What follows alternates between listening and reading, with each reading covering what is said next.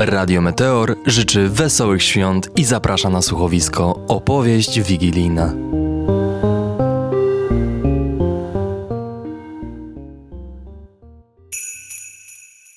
Rozdział pierwszy. Duch Marleya. Zaczęło się od tego, że Marley umarł.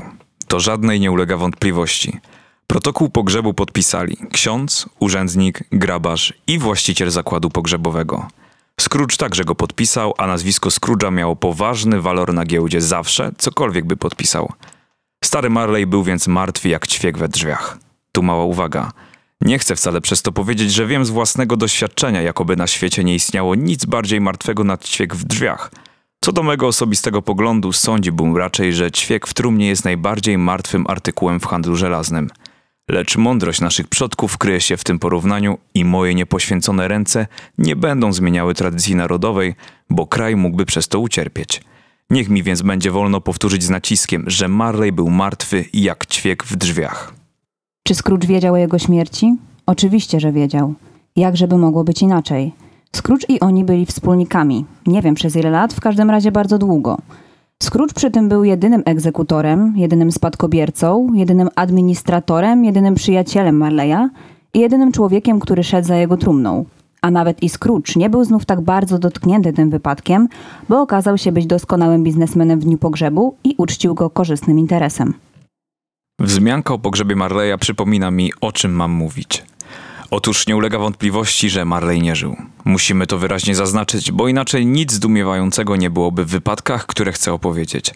Każdy bowiem to przyzna, że gdybyśmy nie byli najmocniej przekonani, iż ojciec Hamleta umarł, zanim przedstawienie tragedii się zaczyna, to jego błądzenie nocą podczas wschodniego wiatru i to po swoich własnych wałach fortecznych w celu wstrząsania umysłu swego syna, umysłu i bez tego słabego, nie miałoby w sobie nic bardziej osobliwego jak spacer pierwszego lepszego podstarzałego jego mościa o zmierzchu wieczornym, na przykład po cmentarzu świętego Pawła. Scrooge wcale nie kazał zamalować nazwiska starego Marleya na szyldzie swego domu handlowego.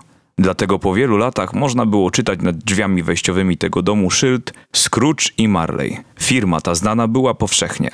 Czasami nowicjusze w interesach handlowych nazywali Scrooge'a Scrooge, czasami Marley, on zaś odpowiadał na obydwa nazwiska. Dla niego to było zupełnie wszystko jedno. Trzeba przyznać, że Scrooge miał silnie zaciśniętą rękę, gdy przyszło do interesu. Chwytała ona, ściskała, dusiła, ze skóry obdzierała swoją ofiarę i nie wypuszczała jej aż po doszczętnym wyzyskaniu. Był to jednym słowem chciwy i stary grześnik, twardy i ostry jak krzemień, z którego żadna stal nie mogła wydobyć szlachetnego ognia. Zamknięty w sobie, milczący i samotny jak ostryga. Zimno wewnętrzne mroziło jego starcze rysy, szczypało spiczasty nos, marszczyło policzki, czyniło jego chłód sztywnym, zaczerwieniało mu oczy, zabarwiało mu niebiesko usta i brzmiało gniewnie w jego ostrym głosie. Mroźny szron pokrywał jego głowę, brwi i chudą brodę. Nosił ustawicznie ze sobą swą lodowatą temperaturę, zamrażał nią swoje biuro podczas upału i nie podwyższał jej ani o jeden stopień nawet podczas Wigilii Bożego Narodzenia. Zewnętrzne ciepło lub zimno nie miało wcale wpływu na Scrooge'a. Żadne ciepło nie mogło go ogrzać, żaden mróz więcej oziębić.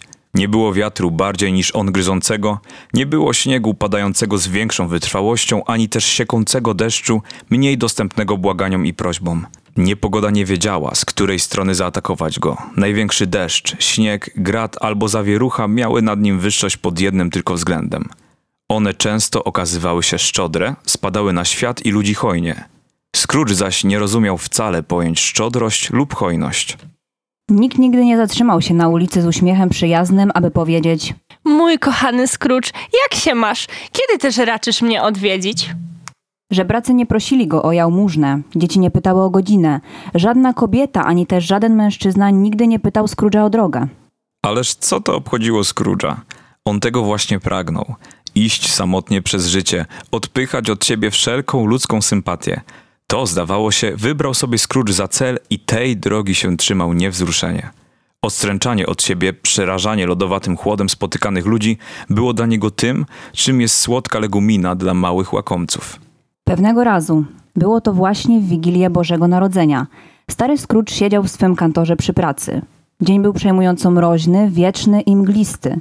Ludzie, chodząc po ulicach, chuchali w dłonie, bili rękoma o piersi i silnie uderzali stopami o bruk, dla rozgrzania się. Zegary miejskie wybijały dopiero trzecią, a już było zupełnie ciemno. Przez cały ten dzień niewiele widziało się słońca. Świece migotały w oknach sąsiednich biur, podobne do rudawych pręg na gęstym, brunatnym powietrzu. Mgła wdzierała się do mieszkań przez każdą szparę i dziurkę od klucza, a tak była gęsta, że domy na przeciwnej stronie wąskiej ulicy trudno było dojrzeć. Patrząc na owe opony mgły, które spuszczały się coraz niżej, osnuwając wszystko posępnym, mroźnym, do kości przejmującym mrokiem, można było sądzić, że natura, rozsiadłszy się gdzieś w pobliżu, odbywała jakieś złowrogie praktyki. Drzwi pokoju były otwarte umyślnie, aby Scrooge mógł mieć na oku swego pomocnika, który siedział w ponurej małej izdebce do ciemnej studni podobnej i kopiował listy. Na kominku w pobliżu Scrooge'a tlał bardzo skromny ogień. W, ale w izdebce pomocnika żarzył się omdlewająco jeden tylko węgielek. Ziemnięty pracownik nie mógł jednak podsycić ognia, ponieważ Scrooge trzymał skrzynię z węglami w swym pokoju, a ile razy pomocnik wszedł z łopatką, pryncypał zawsze groził mu, że będą musieli się rozstać, wskutek czego biedny pomocnik obwinął szyję białym szalikiem i usiłował ogrzać się przy świecy. Ponieważ Atoli nie posiadał dość bujnej imaginacji usiłowania, były bezskuteczne. Wesołych świąt, wuju! Niech cię Bóg ma w swojej opiece. Zawołał młody, sympatyczny głos. Był to głos siostrzęcza Scrooge'a, który wszedł tak nagle i szybko, że Scrooge wtedy dopiero zauważył jego obecność, kiedy siostrzeniec do niego przemówił. Inaczej byłby go z pewnością nie wpuścił. Cóż znowu za głupstwa? Mruknął Scrooge. Siostrzeniec Scrooge'a tak się rozgrzał szybkim chodem wśród mgły i mrozu, że cały był rozpromieniony. Piękna twarz jego jaśniała, oczy błyszczały, a płuca wyrzucały chmury pary. Święta nazywasz głupstwem, wuju? Zawołał siostrzeniec. Jestem pewny, że nie myślisz tego. Przeciwnie, tak myślę. Odrzekł Scrooge. I mam zupełną słuszność. Wesołych świąt. Jakiś ty masz powód być wesołym. Jakiś ty możesz mieć powód do wesołości, ty, biedak. Doskonale. Roześmiał się siostrzeniec, zacierając ręce. A jakiś ty masz powód być ponurym, wuju? Jakiś ty możesz mieć rację do smutku? Ty, bogacz? Scrooge, nie mając pod ręką żadnej odpowiedzi, powtórzył znowu. Głupstwo. Nie bądź taki kwaśny, wuju. Rzekł siostrzeniec. Czy mogę być inny, Gderał cierpko wuj. kiedy zmuszony jestem żyć w świecie głupców? Wesołych świąt, do licha z wesołymi świętami, znać ich nie chcę. Czymże są święta Bożego Narodzenia dla ciebie na przykład, jeśli nie terminem płacenia rachunków, a zwykle wtedy jesteś bez grosza. Z każdym Bożym Narodzeniem jesteś o rok starszy, lecz ani o włos bogatszy. W ten dzień przeprowadzasz bilans twoich ksiąg handlowych i przekonujesz się, że po 12 miesiącach galerniczej pracy nie masz ani odrobiny zysku. Gdybym był pracodawcą, Mówił dalej Scrooge z zawziętością. wówczas każdy idiota włóczący się z życzeniem wesołych świąt zostałby ugotowany z jego własnym puddingiem świątecznym i pogrzebany z gałązką ostrokrzewu zatkniętą w serce. To byłoby prawo rozsądne i słuszne. Wuju. Mitygował go łagodnie siostrzeniec. Siostrzeńcze, Przerwał wuj surowo. Święć Dzień Bożego Narodzenia na swój sposób, a mnie pozwól obchodzić go po mojemu. Obchodzić? Powtórzył siostrzeniec. Ależ ty wcale nie obchodzisz, wuju. Dajże mi już spokój do licha. Sarknął Scrooge. Zobaczymy, co ci dobrego przyniosą tegoroczne święta. One ci zawsze wiele dobrego przynoszą. Przyznaję, że jest wiele rzeczy, z których mogłem osiągnąć korzyść, a z których jednak nie korzystałem. Odparł siostrzeniec. Między innymi święta Bożego Narodzenia. Mimo to zawsze myślę o nich nie tylko jako świętej i czcigodnej pamiątce dla całego chrześcijańskiego świata, ale także o chwilach bardzo upragnionych. Są to bowiem chwile dobre, pokrzepiające, miłościwe, radosne. Zawsze oczekuję ich serdecznym pożądaniem, a witam i obchodzę ze wzruszeniem i radością. Są to bowiem, według mojego przekonania, w długim kalendarzu rocznym jedyne dni, w których wszyscy, kobiety i mężczyźni, jakby na podstawie wspólnej ugody, otwierają swoje zaryglowane serca i myślą o bliźnich na niższym szczeblu drabiny społecznej. Widząc w nich rzeczywiście braci i towarzyszy podróży na drodze do grobu, a nie inną rasę stworzeń dążących w przeciwną stronę, stworzeń niższych i słusznie upośledzonych. I dlatego, wuju, choć święta te nie przynosiły mi w kieszeni ani ziarnka srebra lub złota, wierzę, że przyniosły mi niejedno dobro i przyniosą mi jeszcze wiele radości. Dlatego też zawsze powtarzam, niech będą błogosławione. Pomocnik Scrooge'a, ślęczący nad robotą w sąsiedniej izdebce, gorąco przyklasnął tym dowodzeniom. Spostrzegłszy atoli niewłaściwość swego entuzjazmu, zaczął rzekomo poprawiać ogień swego kominka. Czynił zaś to tak niezręcznie, że zgasił ostatnią iskierkę. A to co znów za moda? Na odrywanie się od pracy i wtrącanie się tam, gdzie nie potrzeba? Zgromił go ostro Scrooge. Odezwij się pan ojcówkiem jeszcze, a upamiętnię ci Dzień Bożego Narodzenia dymisją. Jesteś nie lada mówcą. Dodał, zwracając się do siostrzeńca. Dziwi mnie, dlaczego dotychczas nie zasiadasz w parlamencie. Nie gniewaj się, wuju. Przyjdź do nas jutro na obiad. Przyjdę, przyjdę z pewnością. Już zaraz ubiorę wyjściowy surdut i zacznę się wybierać. Absolutnie nie mam nic lepszego do roboty. Scrooge odpowiedział z ironią. Siostrzeniec zrozumiał, że była to stanowcza odmowa. Zapytał więc łagodnie. Dlaczego odmawiasz, wuju? A dlaczego się ożeniłeś? Ponieważ pokochałem. Ponieważ pokochałeś. Powtórzył Scrooge klaszcząc w dłonie, przedrzeźniając go w ten sposób, jak gdyby miłość i małżeństwo było największym na świecie głupstwem po Bożym Narodzeniu.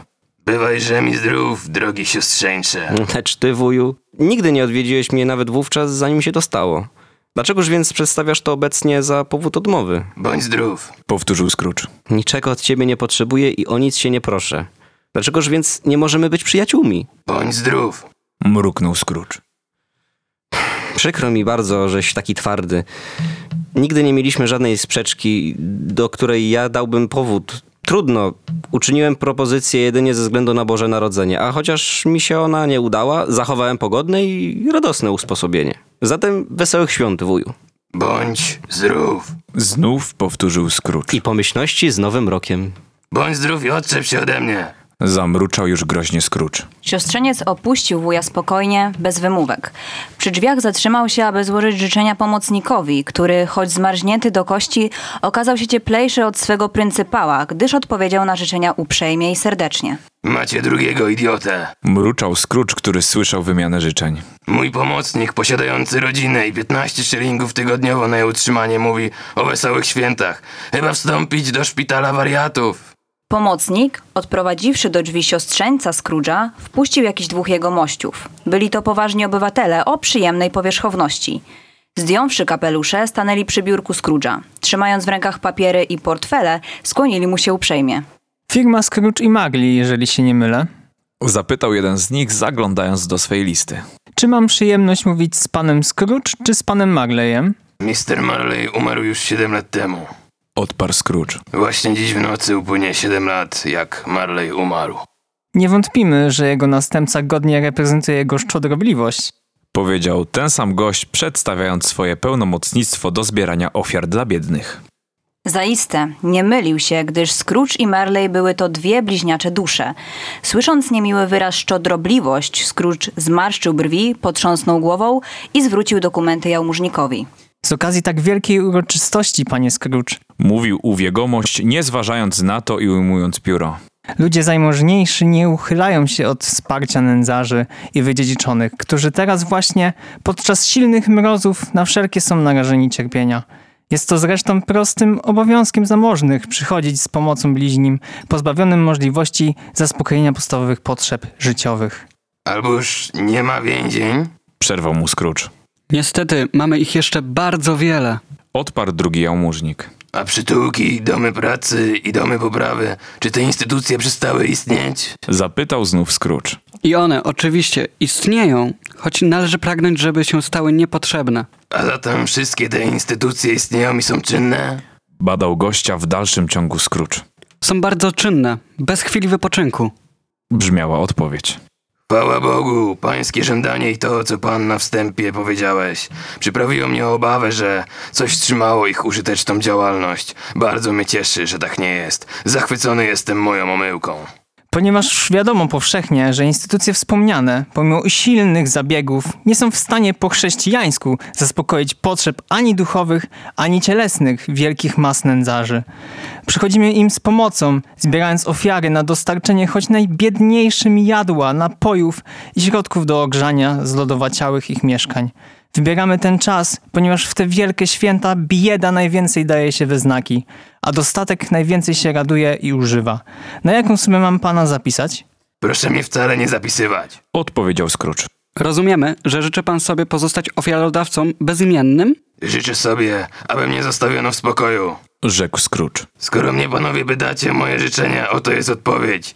Nie cieszę się, ani używam sam podczas świąt Bożego Narodzenia i nie stać mnie na to, abym przyczyniał się do wesołości i używania próżniaków. Wspieram instytucje, o których wspomniałem. Kosztują mnie one dosyć.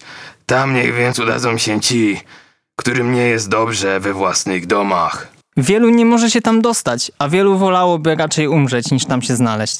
Zauważył jałmużnik. Skoro wielu wolałoby raczej umrzeć, Odparł Scrooge. Niechże to uczynią i tym sposobem zmniejszą nadmiar ludności. Zresztą, proszę wybaczyć, ja się na tych sprawach nie znam i w ogóle mało mnie one obchodzą. Może się pan z nimi zapoznać. Bardzo łatwo. Trzeba tylko trochę serca i dobrej woli. Ani myślę, to nie mój interes, wystarcza. Jeżeli człowiek zna i rozumie swój własny interes i nie miesza się do cudzego. Mój pochłania mnie całkowicie, zatem mam honor pożegnać szanownych panów. Jałmużnicy, widząc, że nic tu nie wskórają, wzruszyli tylko ramionami i wyszli. Scrooge zaś zabrał się do pracy w znacznie lepszym niż zazwyczaj usposobieniu. Tymczasem mgła i ciemność tak zgęstniały, że na ulicach zjawili się ludzie i biegali z pozapalanymi latarniami, ofiarując się iść przed końmi ciągnącymi powozy i prowadzić je po właściwej drodze. Starożytna wieża kościoła, z której gotyckiego okna ciekawie spoglądał wciąż na Scrooge'a stary rozbity dzwon, zniknęła i ów dzwon wybijał godziny oraz kwadranse wśród mgły z tak silnymi wibracjami, jak gdyby mu zęby szczękały z zimna. Mróz bowiem z każdą niemal chwilą się wzmagał. Na rogu głównej ulicy robotnicy naprawiający rury gazowe rozpalili wielkie ognisko, wokoło którego zebrała się gromadka obdartych mężczyzn i dzieci. Grzali oni swe skostniałe ręce i mrużyli oczy, rozkoszując się przyjemnym ciepłem. Ponieważ kranu wodociągowego nie zamknięto, przeto wypływająca z niego woda niebawem krzepła, tworząc ponure kręgi lodu. Na wystawach sklepów gałązki jagody ostrokrzewu pękały w cieple lamp, które oświecały też blade twarze przechodniów. Składy drobiu i wiktuałów pourządzane były tak imponująco, że zdawało się, iż pozioma myśl kupna sprzedaży i targu nie może mieć z nimi nic wspólnego. Lord Major we wspaniałym pałacu swoim wydawał rozkazy pięćdziesięciu kucharzom i piwniczym, aby przystroili stół świąteczny, jak na dom takiego dygnitarza przystało. Nawet ów nędzny krawiec, którego przed tygodniem ten dygnitarz skazał na pięć szylingów kary za pijaństwo i awanturowanie się po ulicy, przygotowywał na swym poddaszu jutrzejszy pudding, a jego wychudła żona wyszła z nie mniej wychudłym dzieckiem po sprawunki do miasta. Mgła i mrok coraz bardziej się zwiększały. Zimno przejmowało do kości. Gdyby dobry święty Dustan dotknął tak zimnem nosa złego ducha, zamiast używać swej zwykłej broni, szatan z pewnością narobiłby wrzasku na cały świat. Pewien młodociany właściciel małego, chudego nosa, nadgryzanego i chrupanego przez głodne zimno tak, jak psy chrupią kości, pochylił się przy dziurce od klucza do drzwi wejściowych kantoru Scrooge'a, aby szanownego przedstawiciela firmy uraczyć pieśnią świąteczną. Lecz zaledwie zdążył wyśpiewać pierwsze wyrazy, Boże, błogosław cię, dobry panie. Niech ci nic nie zmąci radości. Scrooge pochwycił linię z taką energią i tak groźnym ruchem, że śpiewak uciekł przerażony, przekładając nad ową dziurkę od klucza więcej przyjazną mgłę, a nawet więcej przyjazny mróz.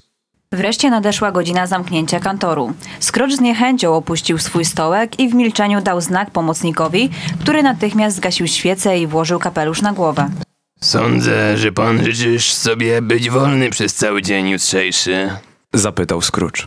Jeśli pan uważa to za właściwe, Szepnął nieśmiało pomocnik. Ja wcale nie uważam tego za właściwe. Tak.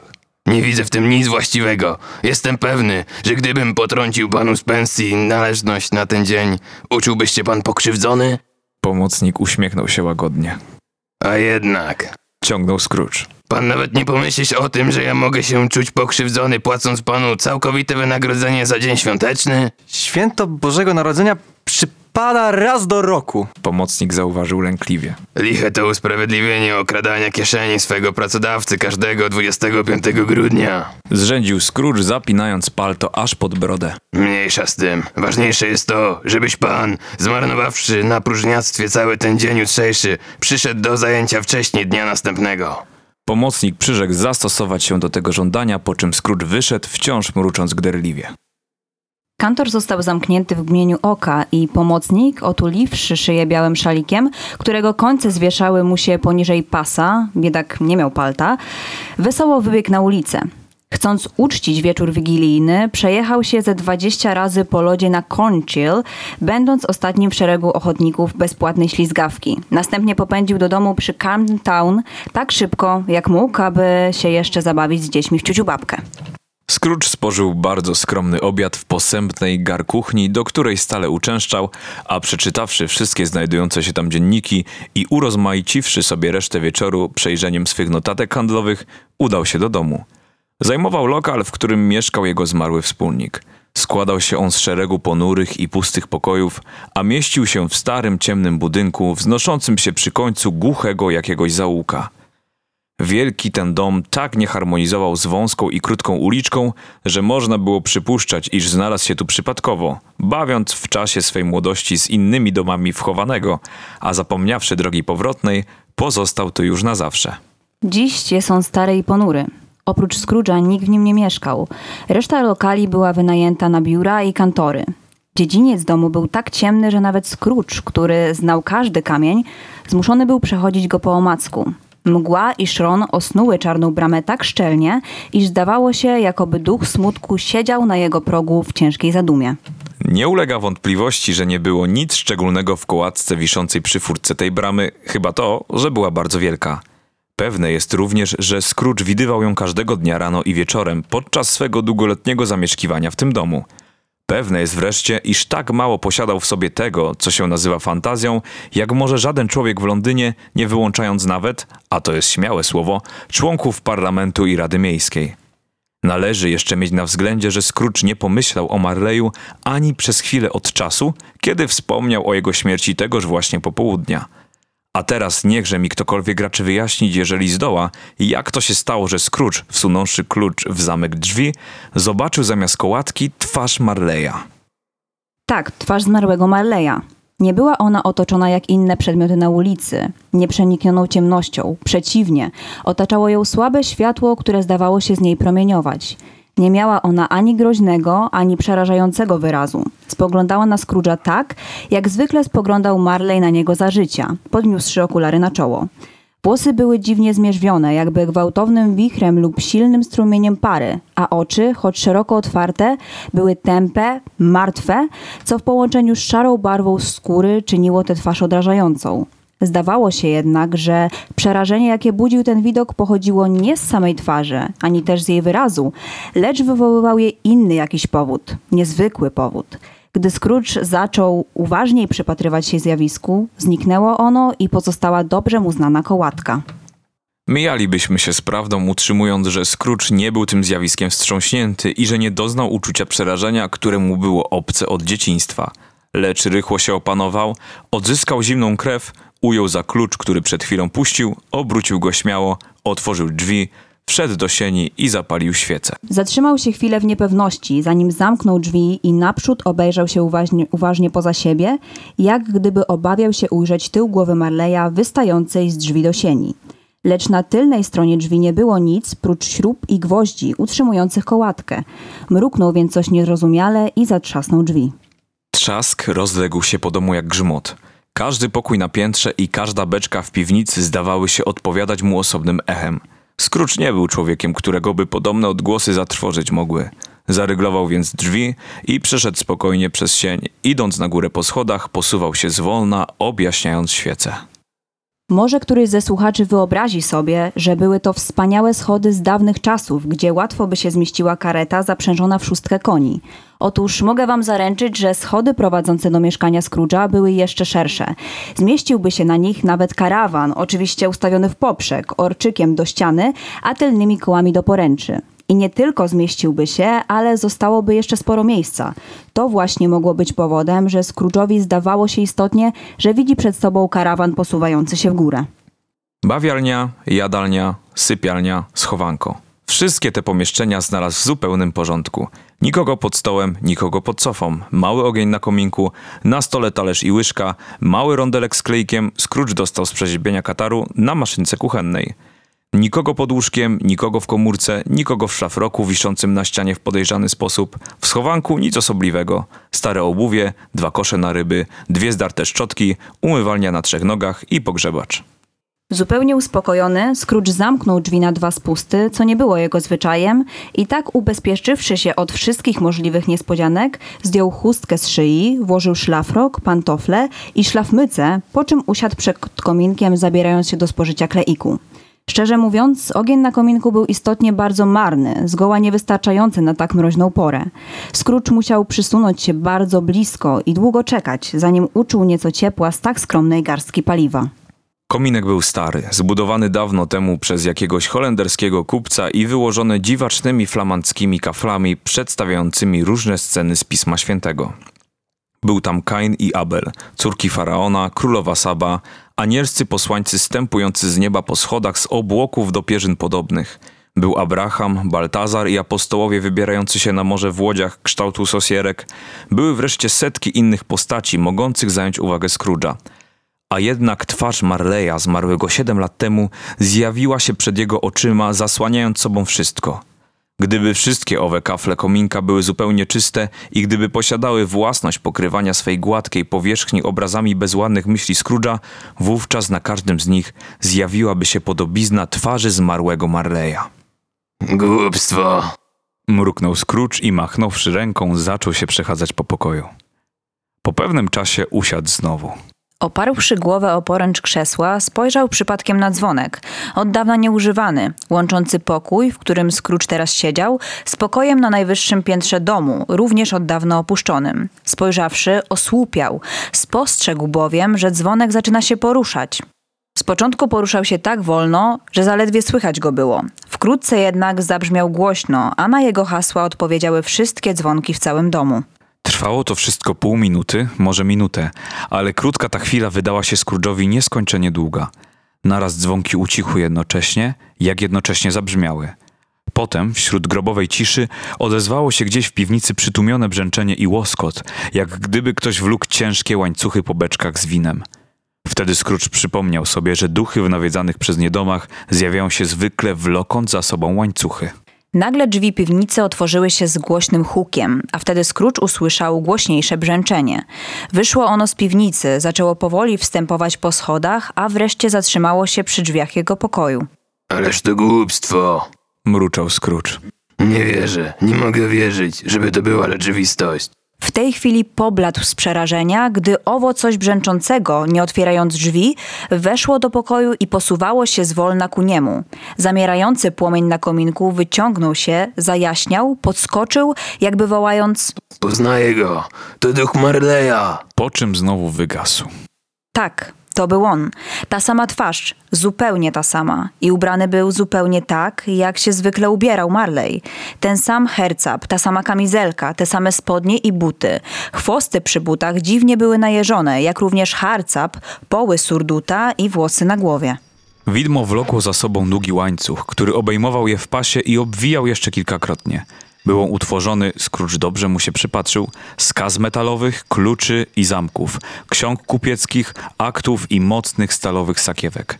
Cała postać widma była tak przezroczysta, że Scrooge widział poprzez nią dwa guziki na tyle surduta.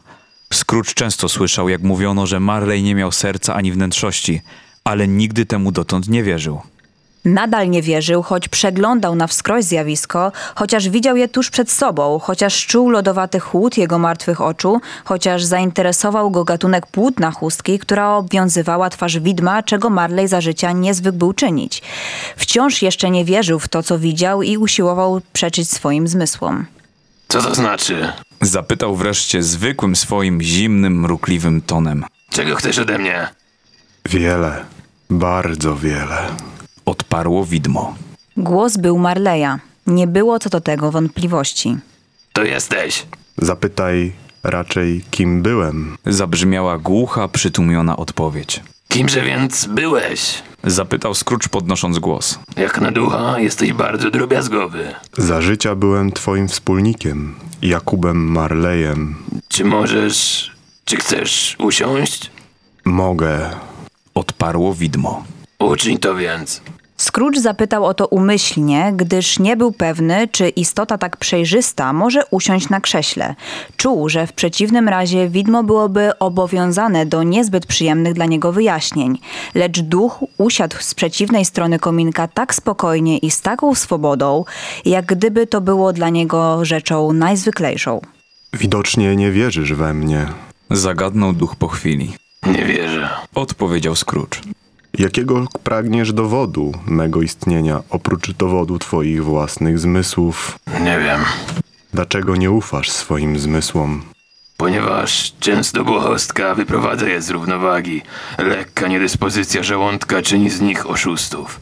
W rezultacie możesz być kawałkiem niestrawionej wołowiny, odrobiną musztardy, okruszyną sera, odrobiną niedogotowanego ziemniaka. Pomimo wszystko, wydajesz mi się więcej istotą cielesną niż duchem. Scrooge nigdy nie miał skłonności do żartów, a w tej chwili więcej jeszcze niż kiedykolwiek był daleki od żartobliwego usposobienia. Jeżeli usiłował być dowcipny i żartobliwy, to dlatego, by rozerwać samego siebie, zmienić kierunek swych myśli i opanować coraz silniej przejmujący go strach, gdyż głos widziadła wstrząsał go do szpiku kości.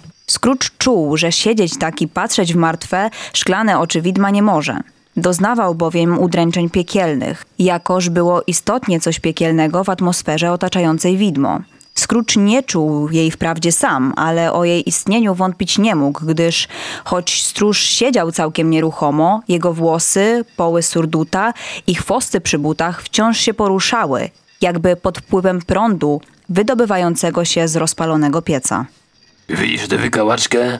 Zapytał Scrooge, wciąż usiłując otrząsnąć się z gnębiącego go coraz silniej przerażenia oraz odwrócić od siebie choćby na chwilę lodowaty wzrok widma. Widzę. Odparł duch. Ale nie patrzysz na nią. Podchwycił Scrooge. Mimo to widzę ją. Rzekł duch. Roześmiał się z przymusem Scrooge. Wystarczy mi połknąć ją, aby przez resztę mych dni do końca życia być prześladowanym przez legion złych duchów mojej własnej fabrykacji. Głupstwo, powtarzam. Wierutne, kapitalne głupstwo. Zaledwie Scrooge wymówił te słowa, duch zajęczał tak przejmująco i zatrząsł łańcuchami w tak ponury i przerażający sposób, że Scrooge przycisnął się do krzesła, aby nie upaść na ziemię ze strachu. Przerażenie jego doszło do najwyższego stopnia, gdy widmo zdjęło bandaż z głowy, jakby mu było za ciepło w pokoju i gdy dolna jego szczęka opadła aż po piersi. Scrooge upadł wtedy na kolana i zasłonił twarz dłońmi. Litości! Zawołał. Straszne zjawisko! Dlaczego mnie tak dręczysz? Człowieku o przyziemnym umyśle, zaprzątniętym jedynie znikomymi sprawami ziemskimi. Wierzysz we mnie teraz, czy nie? Wierzę. Westchnął Scrooge. Muszę wierzyć. Powiedz mi jednak, dlaczego duchy włóczą się po świecie? Dlaczego przychodzą mnie męczyć? Obowiązkiem każdego człowieka jest, Odparło widmo. ażeby jego dusza zjednoczyła się z duszą jego bliźnich i pozostawała w braterskiej z nimi łączności przez cały czas wędrówki ziemskiej. Ten, który obowiązku tego zaniedbał za życia, musi go wypełnić po śmierci. Duch jego po śmierci musi odbywać wędrówkę po świecie. Och, biada mi i patrzeć biernie na to wszystko, czego nie może już używać, a czego mógłby użyć za życia ku swej radości i szczęściu. To rzekłszy, widmo znów wydało jęk i znów wstrząsnęło łańcuchami, załamując bezcielesne ręce. Jesteś w okowach, jak widzę. Rzekł Scrooge z drżeniem. I powiedz, mi, dlaczego?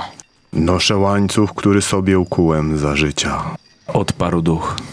Sam przygotowałem każde jego ogniwo, każdy łokieć tych kajdan. Włożyłem go na siebie dobrowolnie. Dobrowolnie nosiłem, a teraz dźwigać go muszę przez wieczność. Czy nie znasz materiału, z którego utworzone są te ogowy? Scrooge drżał coraz bardziej. A może chciałbyś poznać Ciągnął duch. wagę i długość łańcucha, który sam dźwigasz? Co? Siedem lat temu był tak ciężki i tak długi jak mój. Od tego czasu jednak pracowałeś usilnie, ażeby go doprowadzić do kolosalnych rozmiarów. O tak, twój łańcuch to ogrom potężny. Scrooge obejrzał skwapliwie swą osobę. obawiając się, czy nie ujrzy dokoła niej 50 lub 60 metrów żelaznego powroza, lecz jakoś nic podobnego nie dostrzegł. Jakubie Marleju, Odezwał się błagalnie. Stary Jakubie Marleju, mój dobry przyjacielu, powiedz mi wszystko, co wiesz. Pociesz mnie, Jakubie, choć słówkiem. Nie mogę. Odrzekł duch. Pociecha przychodzi z innych sfer. Ebenezerze Scrooge'u bywa przysyłana przez innych posłańców, innym rodzajom ludzi. Nie mogę ci teraz powiedzieć wszystkiego, co bym pragnął. Wolno mi wyjawić ci niewiele więcej. Przy tym nie rozporządzam czasem. Nie wolno mi nigdy odpocząć. Nie mogę pozostawać w jednym miejscu. Nie mogę zatrzymać się nigdzie. Dusza moja za życia nigdy nie wyszła poza ściany naszego kantoru. Uważaj, co mówię. Nigdy nie wyjrzała poza ciasny zakres naszych marnych interesów.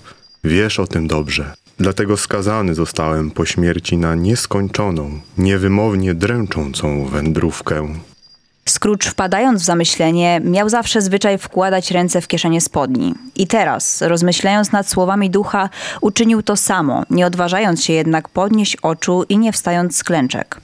Musiałeś się bardzo opóźniać za życia, Jakubie. Zauważył tonem zatroskanego ważnym szczegółem finansisty, lecz z pokorą i szacunkiem. Nie inaczej. Potwierdził duch. Nie żywy od siedmiu lat i przez cały ten czas w podróży. Przez cały ten czas, Znów potakiwał duch. bez wytchnienia, bez odpoczynku, a przy tym ustawiczne wyrzuty sumienia, niewypowiedzianie straszne tortury. Jak szybko podróżujesz? Badał Scrooge. Na skrzydłach wiatru, Musiałeś za tym przebyć przez lat siedem olbrzymią przestrzeń. Rzekł Scrooge. Zasłyszawszy to duch, jęknął po raz trzeci i zabrzęczał swym łańcuchem w głuchej ciszy nocy tak straszliwie, że stróż nocny miałby słuszny powód aresztować go za zakłócenie pokoju publicznego. O, ja nieszczęsny, podwójnie ujarzmiony niewolnik. Wyrzekało widmo. Nie wiedziałem, iż wieki nieustannej pracy dokonywanej przez nieśmiertelne istoty dla tej ziemi muszą zlać się z wiecznością. Nim zamierzone dobro zostanie osiągnięte, nie wiedziałem, że każdy człowiek powinien ofiarować część swej pracy dla wielkiego dzieła ludzkości. Nie wiedziałem, że żaden żal, nawet najgłębszy, nie może być zadośćuczynieniem za źle spędzone życie. Nie może okupić jednego, nawet ominięcia sposobności spełnienia dobrego uczynku. A ja właśnie tym grzeszyłem. Ja właśnie byłem taki za życia. Przecież ty, Jakubie, byłeś zawsze pilnym i dobrym pracownikiem. Bąknął Scrooge, stosując te słowa do siebie. Zawsze sumiennie chodziłeś około interesu. Interes? Przerwał duch, załamując znów ręce. I to właśnie było moim błędem, moim grzechem. Ludzkość powinna była być moim interesem. Dobroczynność, litość, wyrozumiałość i łagodność powinny były być moim interesem. To przede wszystkim powinienem był mieć na względzie sprawy osobiste, sprawy mego handlu, wszelkiego rodzaju spekulacje. To wszystko należało uważać za rzeczy drugorzędnego znaczenia, za znikomą kroplę w olbrzymim oceanie obowiązku dla dobra ludzkości. Przy tych słowach, jak gdyby chcąc dosadnie wyrazić bezowocność swej spóźnionej skruchy i swoich wyrzekań, podniósł rękę z łańcuchem, jak mógł najwyżej i z zamachem opuścił ją po chwili. W tej porze roku Podjął znowu. cierpię najbardziej. Dlaczegoś za życia szedłem przez tłumy swych bliźnich z oczyma zwróconymi w dół, wciąż zajęty własnymi tylko marnymi sprawami, nie podnosząc nigdy wzroku ku niebiosom, gdzie błyszczy teraz ta błogosławiona gwiazda betlejemska, która wiodła mędrców ze wschodu do ubogiej stajenki. Czyż nie było dosyć ubogich domostw, do których byłaby mnie zawiodła? Scrooge był przerażony, słysząc Marleya przemawiającego w ten sposób. Słuchaj mnie, Zawołał duch. czas mój prawie już upłynął. Owszem, słucham cię z uwagą, Rzekł Scrooge. ale Jakubie, nie bądź za srogi dla mnie. Nie bądź też, Jakubie, tak kwycisty w mowie. Powiedz krótko i węzłowato, o co ci chodzi? Jakim sposobem staję przed tobą w postaci widocznej, którą możesz rozpoznać, tego nie wolno mi powiedzieć. Wiedz, że zbliżałem się do ciebie niewidzialny często. Bardzo często. Wcale niemiła ta wiadomość sprowadziła na czoło Scrooge'a pot kroplisty. Zapewniam cię, że nie jest to lekka część mej kary. Ciągnął duch. Przyszedłem, aby cię ostrzec i zawiadomić, że możesz jeszcze uniknąć mego losu. Sposobność ku temu ja ci nastręczę. Ebenezerze, Ty byłeś zawsze moim dobrym przyjacielem. Rzekł Scrooge. Dziękuję ci, Jakubie. odwiedzą cię Mówił dalej Marley. trzy duchy. Twarz Scrooge'a z przerażenia stała się również blada, jak bezcielesne oblicza widma. Czy to ma być sposobność i nadzieja, o której wspomniałeś, Jakubie? Zapytał drżącym głosem. Tak. W takim razie, drogi Jakubie, może lepiej dać temu pokój. Rzekł Scrooge. Zdaje mi się, to jest. Wolę skwitować ze wszystkiego. Bez tych odwiedzin Kończył duch. nie możesz uniknąć mego nieszczęsnego losu. Bądź gotów na przyjęcie pierwszych odwiedzin jutro, gdy zegar uderzy pierwszą po północy. Czy nie mogliby przyjść wszyscy ci goście razem, tak żebym się z nimi mógł prędzej załatwić? Szepnął Scrooge. Drugi zjawi się następnej nocy, o tej samej godzinie. Trzeci znów następnej nocy, gdy zegar wybije dwunastą. Nie spodziewaj się widzieć mnie więcej. Radzę ci, żebyś dla swego własnego dobra zapamiętał to wszystko, co dzisiaj ode mnie usłyszał. Wypowiedziawszy te słowa, widmo wzięło swoją chustkę ze stołu i obwiązało nią jak poprzednio twarz swoją. Scrooge domyślił się tego po kłapnięciu, jakie wydały zęby, skoro bandaż zbliżył się do siebie obie szczęki. Gdy ośmielił się znów podnieść oczy, ujrzał gościa z zagrobu w pozycji stojącej z nawiniętym na rękach łańcuchem. Po chwili widmo zaczęło cofać się tyłem, a za każdym jego krokiem okno otwierało się powoli, tak, że było już szeroko otwarte, gdy duch znalazł się tuż przy nim. Wtedy duch dał znak Scrooge'owi, aby się zbliżył, co też uczynił. Kiedy się znaleźli o dwa kroki od siebie, duch Marleya podniósł rękę, nie pozwalając Scrooge'owi zbliżyć się więcej. Scrooge nagle zatrzymał się.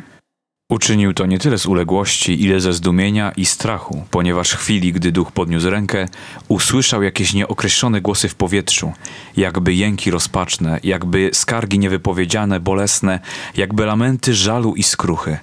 Duch słuchał czas pewien, potem przyłączył się do żałobnego chóru i wypłynąwszy przez okno, znikł wśród ciemności bezgwiezdnej, mroźnej nocy. Scrooge, zaciekawiony i przerażony, wyjrzał przez okno.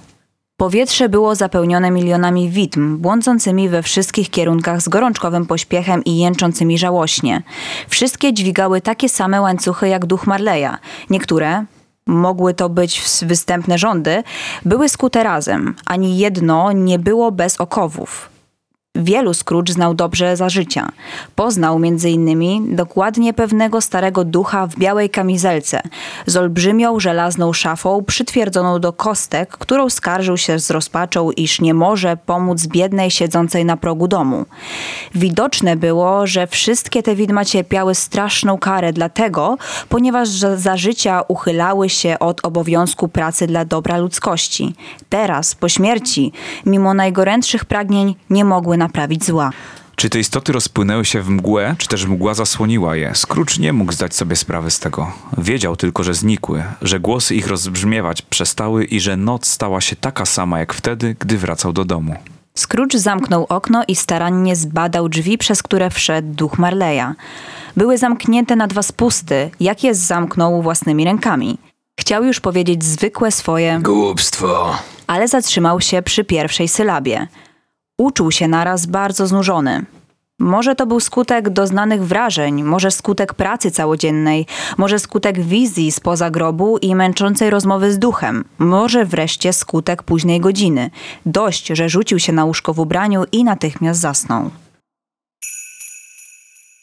Rozdział drugi. Pierwszy z trzech duchów. Kiedy Scrooge obudził się, było tak ciemno, że wyglądając z łóżka mógł zaledwie odróżnić przejrzyste okno od ciemnych ścian pokoju. W chwili, gdy usiłował przeniknąć ciemność swymi bystrymi niby u łasicy oczyma, zegar wieżowy sąsiedniego kościoła wybił cztery kwadranse. Słuchał pilnie. Która też następnie wybije godzina? Ku wielkiemu jego zdziwieniu ciężki dzwon wybił sześć, siedem, osiem i tak dalej, aż do dwunastu. Wtedy zatrzymał się. Dwunasta? To być nie może. Było przecież już po drugiej, gdy poszedł spać. Zegar mylił się. Lud musiał dostać się między jego koła i tryby. Dwunasta.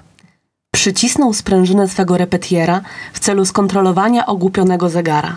Lecz repetier także wybił dwunastą, a potem zatrzymał się. To niepodobna, Mruczał Scrooge. żebym przespał dzień i część drugiej nocy. Niepodobna również, żeby słońcu przytrafiło się coś nadzwyczajnego, żeby teraz zamiast południa była północ. Zaniepokojony, jak mógł najprędzej wygrzebał się z łóżka i zbliżył się po omacku do okna. Musiał rękawem szlafroka zetrzeć naprzód mróz z szyby, zanim mógł ujrzeć cokolwiek. Ale i wtedy zobaczył niewiele. Zauważył tylko, że było bardzo mglisto i nadzwyczaj zimno i że nie było słychać ludzi biegnących w różne strony, sprawiających zwykły gwar i hałas, co działoby się niezawodnie, gdyby noc pokonała dzień i zapanowała nad światem. Spostrzeżenie to przyniosło mu wielką ulgę. Interesy załatwiają się we dnie, a nie w nocy. Co by się stało z wekslami Scrooge'a, gdyby już nie było dni, tylko noce? Tak poważna i tak obowiązująca formuła prawna Po upływie trzech dni obowiązuje się zapłacić Ebenezerowi Scrooge'owi lub przekaz mającemu. stałaby się wówczas utopią, humbugiem amerykańskim. Scrooge wtedy wrócił do łóżka i zaczął rozmyślać o tym wszystkim, co mu się przytrafiło, lecz pomimo wszelkich wysiłków nie mógł zrozumieć nic. Im więcej wytężał mózg, tym więcej myśli jego się mąciły, a gdy usiłował pozbyć się ich, tym natarczywiej tłoczyły mu się do głowy. Duch Marleya wzburzył go niesłychanie. Ile razy po dojrzałej rozwadze dochodził do wewnętrznego przekonania, że to był po prostu sen. Myśl jego znów wracała, jak uwolniona od nacisku sprężyna do dręczącego przedmiotu, znów stawało przed nim natrętne zagadnienie. Czy to był sen, czy rzeczywistość? Scrooge leżał, dręczony niepewnością, dopóki zegar nie wybił trzech kwadransów. Wtedy przypomniał sobie nagle, że według zapowiedzi widma Marleya ma się spodziewać odwiedzin jakiegoś ducha o godzinie pierwszej. Postanowił leżeć, nie śpiąc, dopóki zegar nie wybije tej godziny. Wiedział, że dopóki termin oznaczony nie minie, nie będzie mógł oka zmrużyć. Było to tak pewne, jak to, że nie mógłby połknąć księżyca. Wobec tego osądził, iż nic rozsądniejszego przedsięwziąć niepodobna, tylko czekać. Pozostałe ćwierć godziny tak mu się dłużyło, iż zdawało mu się, że chyba zdrzemnął się i przespał uderzenie zegara. Lecz niebawem w jego wytężonych uszach rozległo się złowrogie Tik, tak, Kwadrans po dwunastej, Zaczął rachować Scrooge. tik, tak, pół do pierwszej, Szepnął Scrooge. tik, tak, trzy kwadranse na pierwszą, Szepnął znów Scrooge. tik, tak. pierwsza. Zawołał Scrooge triumfalnie. Pierwsza i nic, nikt się nie zjawia. Słowa te wymówił, zanim zegar wybił ten kwadrans ostatni, terminowy. W tej chwili jednak, gdy się rozległo jego głuche, złowieszcze, ponure, groźne uderzenie, cały pokój nagle zajaśniał silnym, jaskrawym blaskiem i kotara łóżka Scrooge'a rozsunęła się. Ściśle mówiąc, kotarem rozsunęła jakaś ręka. I to nie część tej zasłony w nogach albo w połowie łóżka, lecz tę mianowicie, na którą Scrooge miał w tej chwili zwrócone oczy. Gdy się to stało, Scrooge przysiadł na łóżku i znalazł się oko w oko z nadziemskim gościem, który się właśnie zjawił i stanął tuż przy ramieniu Scrooge'a. Dziwna to była postać. Niby dziecko, a jednak nie tyle podobna do dziecka, ile do dojrzałej kobiety, widzianej przez jakąś dziwną atmosferę, która oddalając ją, zmniejszała do rozmiarów dziecka. Włosy, rozwiane i spadające na ramiona i niżej jeszcze, były złote, gdy twarz, bez śladu nawet zmarszczek, miała cerę świeżą i rumianą, słowem cerę młodzieńczą. Sylwetka była drobna, ręce długie i chude, dłonie tak delikatne, że zdawało się, iż zrobione są z aksamitu. Nogi i stopy pięknie ukształtowane, były podobne jak ręce obnażone. Zjawisko przybrane było w śnieżnej białości tunikę objętą świetnym pasem, połyskującym jakby tysiącem brylantów. W ręce trzymało gałązkę świeżego, zielonego ostrokrzewu, suknię zaś jej, w dziwnej sprzeczności z tym symbolem zimy, zdobiły świeże kwiaty. Lecz najdziwniejsze ze wszystkiego było to, że z wierzchołka głowy zjawiska wytryskał jasny promień światła, który rozjaśniał wszystko dokoła. W chwilach smutku duch ten kładł na głowę zamiast czapki wielki kaptur do gaszenia świec, który teraz trzymał pod pachą. Dla Scrooge'a jednak, który ze wzrastającym zainteresowaniem przypatrywał się przybyszce, nie ów kaptur był największą osobliwością całej postaci. Scrooge'a zdumiewał pas ducha. Pas ten lśnił, skrzył się, połyskiwał i błyszczał raz w jednym miejscu, to znów w drugim, tak, że to, co było w danym razie jasne, stawało się za chwilę ciemną plamą. Przeciwnie. Cała postać zjawiska odbijała też owe zmiany świetlne, a wskutek tego przedstawiała się co chwila inaczej. To zdawało się mieć jedną tylko nogę, to jedną tylko rękę, to znów parę nóg tylko, to korpus bez głowy, to wreszcie głowę bez korpusu. Zmiany te odbywały się tak szybko, że nie można było dokładnie rozpoznać, gdzie znikały części tej postaci. Prawdopodobnie pochłaniała je ciemność nocy. Czy ty jesteś tym duchem, którego przyjście mi zapowiedziano? Spytał Scrooge. Tak, ja nim jestem. Głos był miły, dźwięczny, lecz tak szczególnie słaby, jak gdyby dochodził z oddalenia. Któż ty jesteś? Badał Scrooge. Jestem duchem wigilijnej przeszłości. Zapytał Scrooge, wpatrując się w drobną postać zjawiska. Nie, duchem twojej wigilijnej przeszłości. Zapewne Scrooge nie byłby w stanie powiedzieć, gdyby go kto o to zapytał, dlaczego zapragnął widzieć ducha w osobliwej czapce na głowie. Ale faktem jest, że powstało w nim to życzenie i to w tak natarczywym stopniu, że nie mógł się pohamować i poprosił ducha o schowanie pod nią burzy i skrzących się jasnych loków. Co? Zawołał duch. Chcesz występnymi swymi rękoma jak najprędzej zagasić dobroczynne światło, które ci przynoszę? Czy mało ci jeszcze, że jesteś jednym z tych, których namiętności złożyły się na utworzenie tej czapki i skazały mnie na noszenie jej przez całe wieki, głęboko naciśniętej na uszy? Scrooge pokornie wyparł się wszelkiej intencji obrażenia ducha i zapewnił, że nigdy w życiu świadomie się nie przyczynił do skazania go na taką nieprzyjemność. W końcu odważył się zapytać gościa, co go właściwie sprowadza. Twoje dobro. Odparł duch. Scrooge wyraził serdeczne podziękowanie, lecz jednocześnie pomyślał, że spokojny, niczym niezmącony sen prowadziłby wcześniej do tego celu. Duch musiał odgadnąć jego myśli, gdyż odezwał się zaraz. Ściślej mówiąc, prowadza mnie tu pragnienie twojej poprawy. Jeżeli ci się to nie podoba, biada ci. Rzekłszy to, wyciągnął swą delikatną dłoń i dotknął jego ramienia, dodając: Wstań i pójdź ze mną. Scrooge chciał perswadować, że nie jest ubrany, że ma katar, że w takim stanie lepiej pozostać w ciepłym łóżku niż spacerować po nocy. Do tego wśród takiego czasu. Ale duch nie pozwolił mu dojść do słowa. Wziął go za rękę i pociągnął za sobą. Dotknięcie ducha, chociaż tak delikatne jak wytwornej damy, nie dopuszczało oporu. Scrooge wtedy wstał, lecz widząc, że duch prowadzi go ku oknu, schwycił go za tunikę, wołając błagalnie. O duchu łaskawy, ja przecież jestem zwykłym śmiertelnikiem, więc bardzo łatwo mogę upaść. Dotknę cię moją ręką. O tutaj. Rzekł duch, kładąc rękę na sercu Scrooge'a. A dotknięcie to sprawi, że wytrzymasz cięższe jeszcze próby.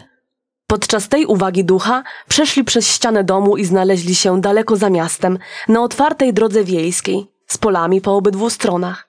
Miasto zniknęło zupełnie. Nigdzie ani śladu zabudowań. Ciemność i mgła znikały razem z miastem. Jaśniał teraz mroźny, lecz pogodny dzień zimowy.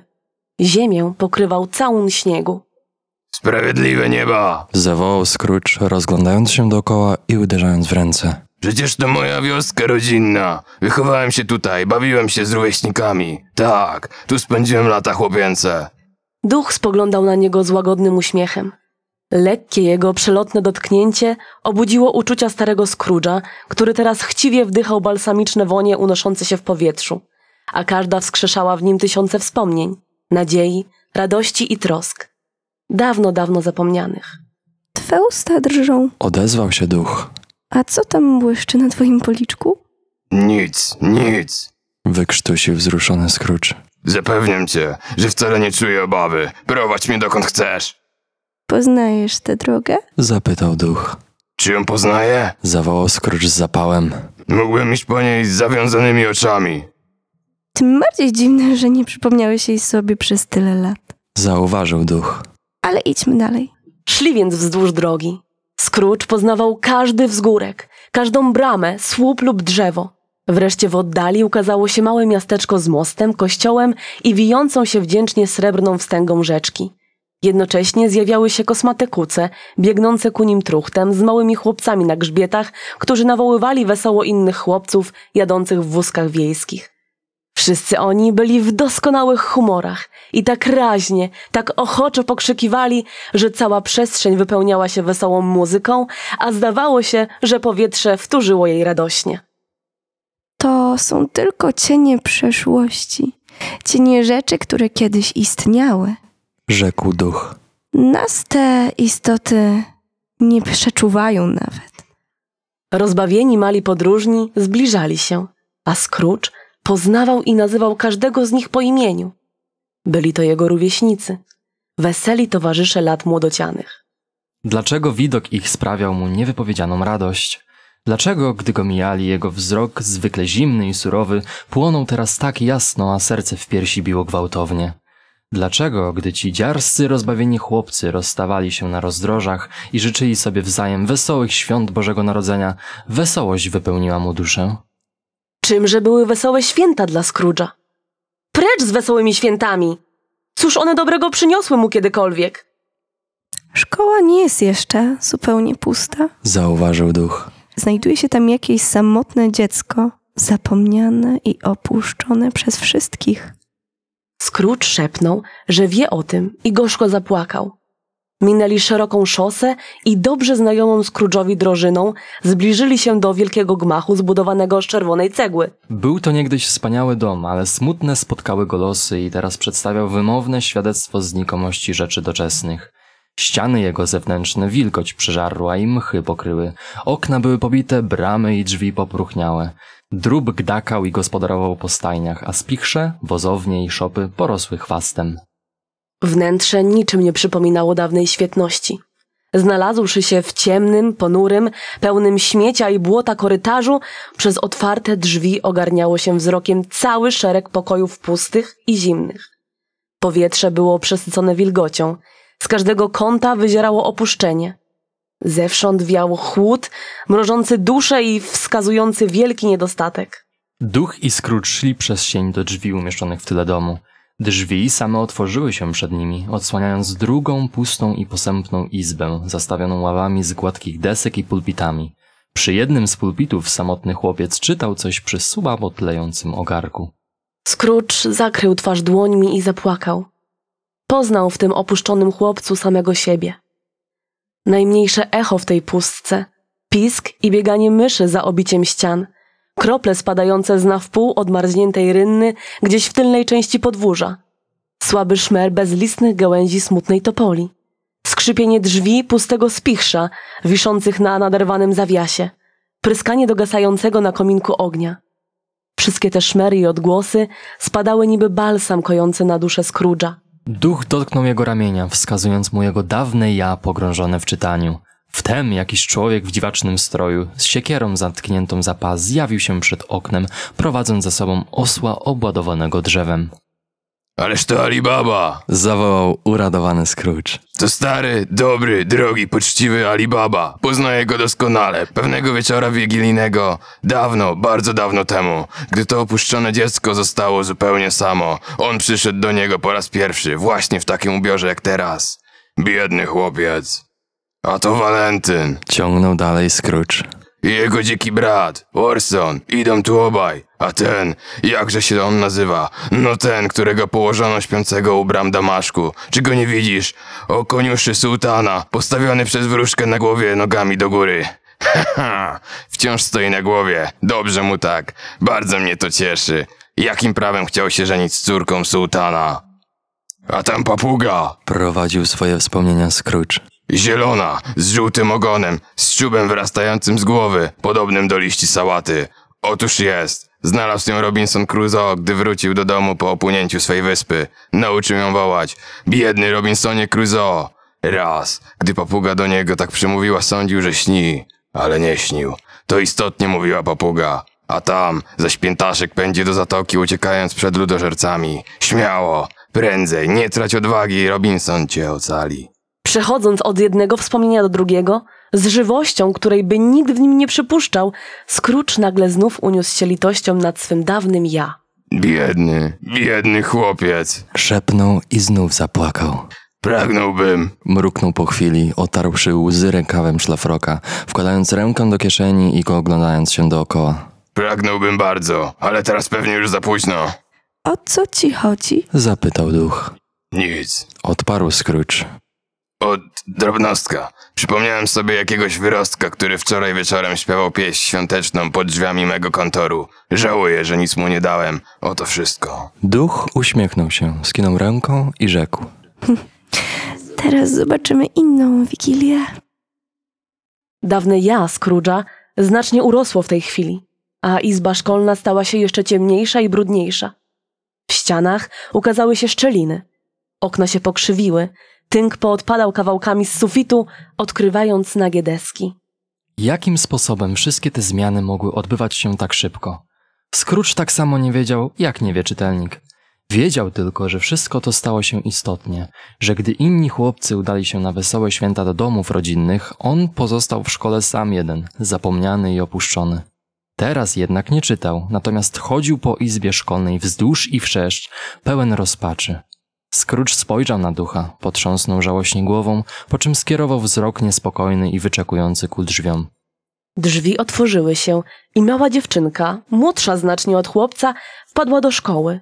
Rzuciła mu się na szyję i całując go wołała. Mój drogi, dobry braciszku! Wycałowawszy go zaś i wyściskawszy, mówiła szybko, klaszcząc drobnymi, wychudłymi rączkami i śmiejąc się z wielkiego rozradowania. Przybyłam, mój kochany, ażeby cię zabrać do domu. Tak, tak, ażeby cię zabrać do domu. Do domu, do domu. Do domu, moja mała Fanny. Powtórzył chłopiec. Nie inaczej.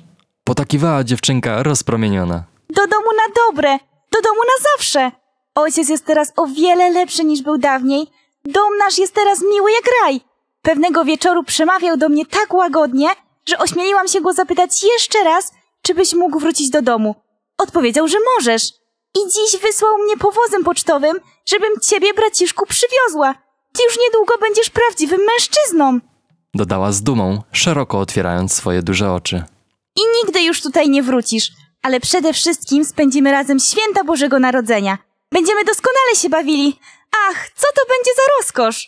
Jesteś już prawie kobietą, moja mała siostrzyczko. Zawołał chłopiec. Ona zaś radośnie klasnęła w ręce i śmiejąc się, usiłowała dosięgnąć jego głowy. Widząc jednak, że jest za mała, wybuchnęła znów śmiechem i podniosła się na palcach, aby go znów ucałować. Wreszcie zaczęła go ciągnąć w swej dziecinnej gorliwości ku drzwiom, a on szedł za nią ulegle, nie mając nic przeciwko opuszczeniu tej ponurej izby. Naraz w sieni rozległ się straszny głos. Znieść na dół rzeczy pana Scrooge'a. Żywo! Jednocześnie prawie w drzwiach izby szkolnej ukazała się sama nauczycielka. Spoglądała ona na chłopca przez chwilę z dziką uprzejmością, po czym ująwszy jego rękę, uścisnęła ją tak gwałtownie, że chłopiec zmieszał się wielce i omal przytomności nie stracił. Następnie zaprowadziła dzieci do niskiego, wyziębionego, odrapanego pokoju, w którym mapy na ścianach, jak również niebieskie i ziemskie globy w oknach, pokrywał szron. Tutaj wyjęła karawkę przedziwnie lekkiego wina oraz kawał przedziwnie ciężkiego ciasta i traktowała swych młodych gości tymi przysmakami. Częstujcie się na zdrowie. Rzekła z uśmiechem nauczycielka. Nie samą wiedzą człowiek żyje. Książki istotnie są pokarmem dla umysłu i duszy, ale na co komu mądra dusza w nieszczęśliwym ciele? Powszechnie wiadomo, że nic tak nie karmi radości jak ciasto makowe. Równocześnie wysłała chudego służącego, aby ofiarował szklankę czegoś chłopcu pocztowemu. Ten jednak odrzekł, że chociaż jest bardzo wdzięczny za poczęstunek, jednak jeśli to ma być ten sam napój, którego już kosztował poprzednio, w takim razie woli raczej nie pić. Ponieważ zaś kufer pana Scrooge'a został tymczasem przymocowany już na wierzchu dyliżansu, dzieci pożegnały nauczycielkę uprzejmie i wsiadłszy do pojazdu, odjechały drogą ogrodową, na której pod szybko obracającymi się kołami rozpryskiwał się szron i śnieg w drobne krople. Myła ona zawsze ontła i delikatna. Zauważył duch. Tak, że zdawało się, iż lada wietrzyk ją zmiecie, ale miała wielkie serce. To prawda. Potwierdził Scrooge. Masz słuszność. Nie będę temu przeczył, duchu. Boże broń, żebym miał temu przeczyć. Umarła zamężna i zostawiła, o ile mi się zdaje, dzieci. Rzekł duch. Jedno dziecko. Poprawił Scrooge. Prawda? Przyznał duch. A tym dzieckiem jest twój siostrzeniec. Scrooge zmieszał się, poruszył niespokojnie i szepnął jakby ze skruchą. Tak. Chociaż zaledwie przed chwilą opuścili gmach szkolny, mimo to znajdowali się już na ruchliwych ulicach Londynu, gdzie przechadzały się różne duchy, gdzie cienie wozów i powozów walczyły o miejsca dla siebie wśród zamieszania i zgiełku wielkiego miasta. Po ożywionym ruchu w sklepach można było poznać, że był to również dzień wigilijny. Wieczór już zapadł, latarnie oświecały ulice. Duch zatrzymał się przed jakimś składem i zapytał Scrooge'a, czy go poznaje. Czy go poznaję? Zawołał Scrooge. Przecież praktykowałem tutaj. Weszli. Przy wysokim biurku siedział stary człowiek w walijskiej peruce. Na jego widok Scrooge zawołał z uniesieniem. Ależ to Fezwick! Daj mu Boże zdrowie! Wszakże to żywiteńki Fezwick! Wtedy właśnie stary Fezwick położył pióro. Spojrzał na zegar ścienny, który wskazywał siódmą godzinę, zatarł ręce, poprawił swą obszerną kamizelkę, roześmiał się głośno, oglądając się od pięt do pasa. Potem klasnął w dłonie i zawołał dźwięcznym, jowialnym, wesołym głosem. Hej tam, Ebenezer, Dick. Dawne ja, Scrooge'a, teraz już w postaci młodzieńca, weszło żywo w towarzystwie swego kolegi. Z pewnością Dick Wilkins. Zawołał Scrooge do ducha. Przysięgam, że to on, Dick, był bardzo do mnie przywiązany. Biedny Dick, biedny. Hej tam, chłopcy. Rzekł Fezwik. Zaprzestać już pracy na dziś dosyć. Przecież to wieczór wigilijny. Dick, to wigilia. Ebenezer, zamknąć okiennicę. Trudno sobie wyobrazić, z jakim zapałem zabrali się chłopcy do roboty. Wybiegli na ulicę z okiennicami. Raz, dwa, trzy, już je włożyli. Cztery, pięć, sześć, zamknęli i zaryglowali. Siedem, osiem, dziewięć, zanim mogłeś doliczyć się do dwunastu, już wrócili, dysząc jak konie wyścigowe. Brawo, doskonale.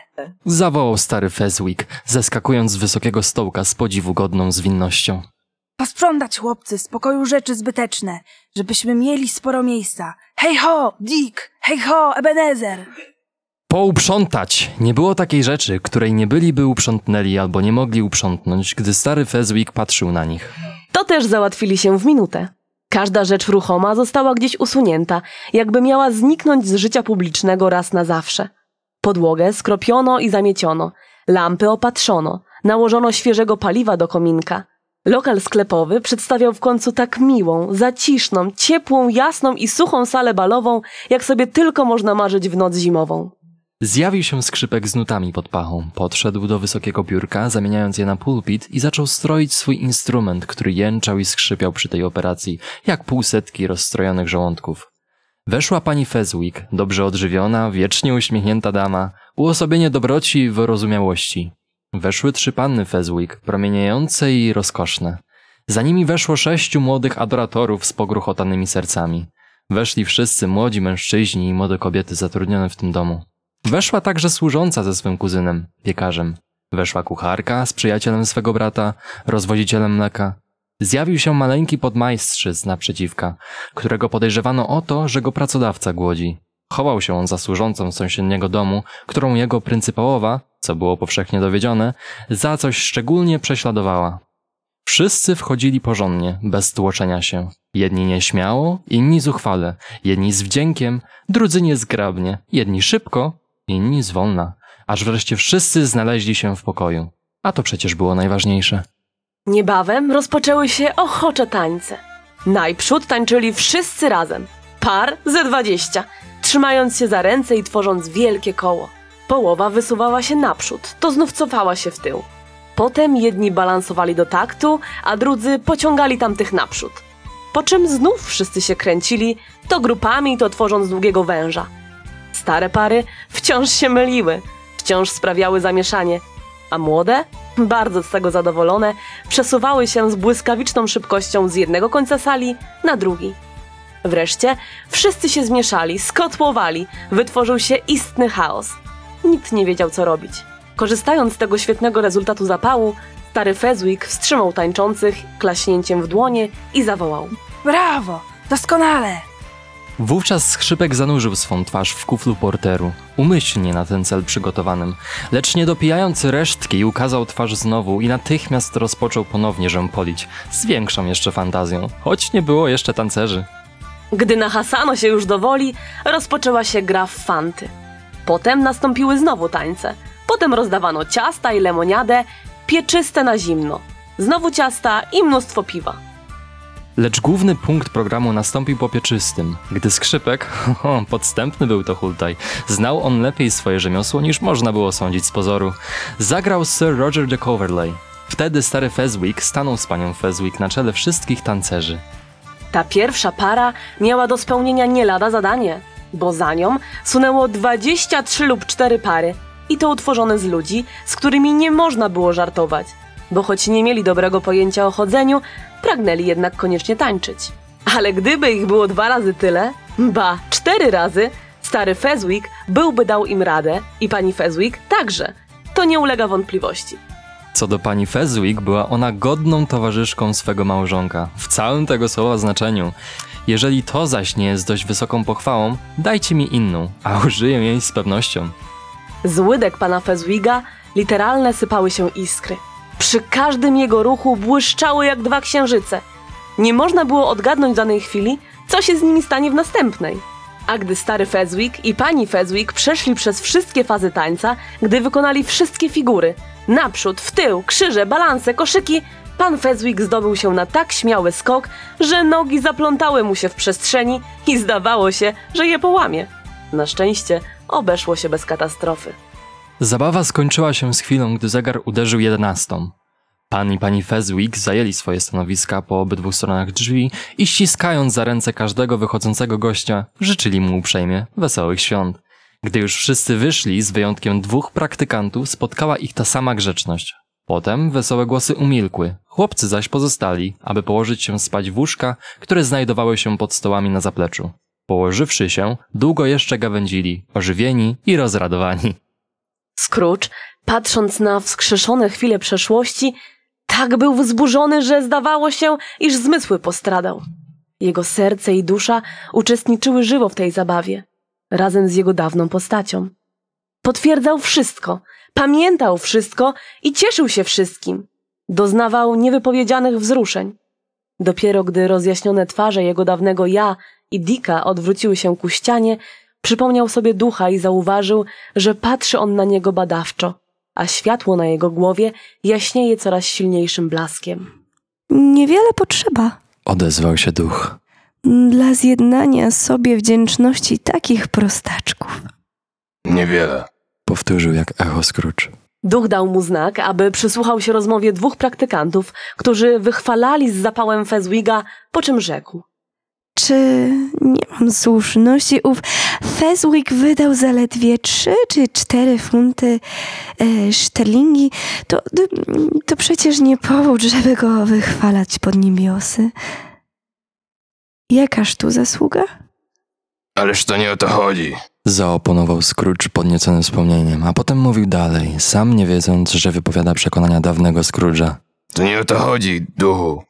On ma możliwość uczynienia nas szczęśliwymi lub nieszczęśliwymi, uczynienia życia naszego lżejszym lub cięższym, a pracy naszej przyjemną lub przykrą. Cóż z tego, że ta jego władza przejawia się tylko w dobrym słowie, poczciwym spojrzeniu, w drobiazgach tak nieuchwytnych, że ich mierzyć, ważyć, ani analizować niepodobna? To nic nie znaczy, gdyż nie w tym spoczywa jądro rzeczy.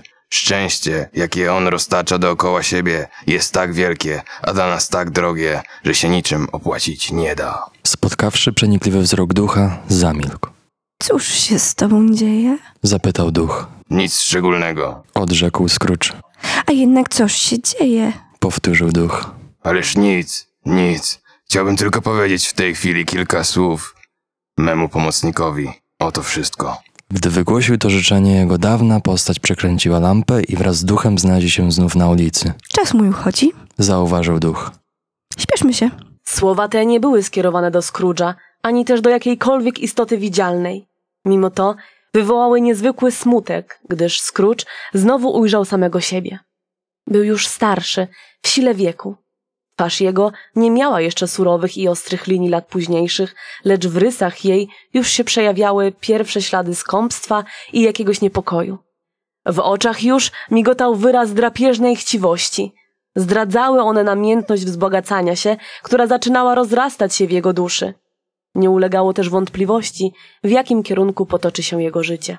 Nie był sam. Obok siedziała młoda i piękna dzieweczka w żałobie, z oczyma pełnymi łez, które błyszczały jak brylanty w świetle wytryskającym z głowy ducha wigilijnej przeszłości.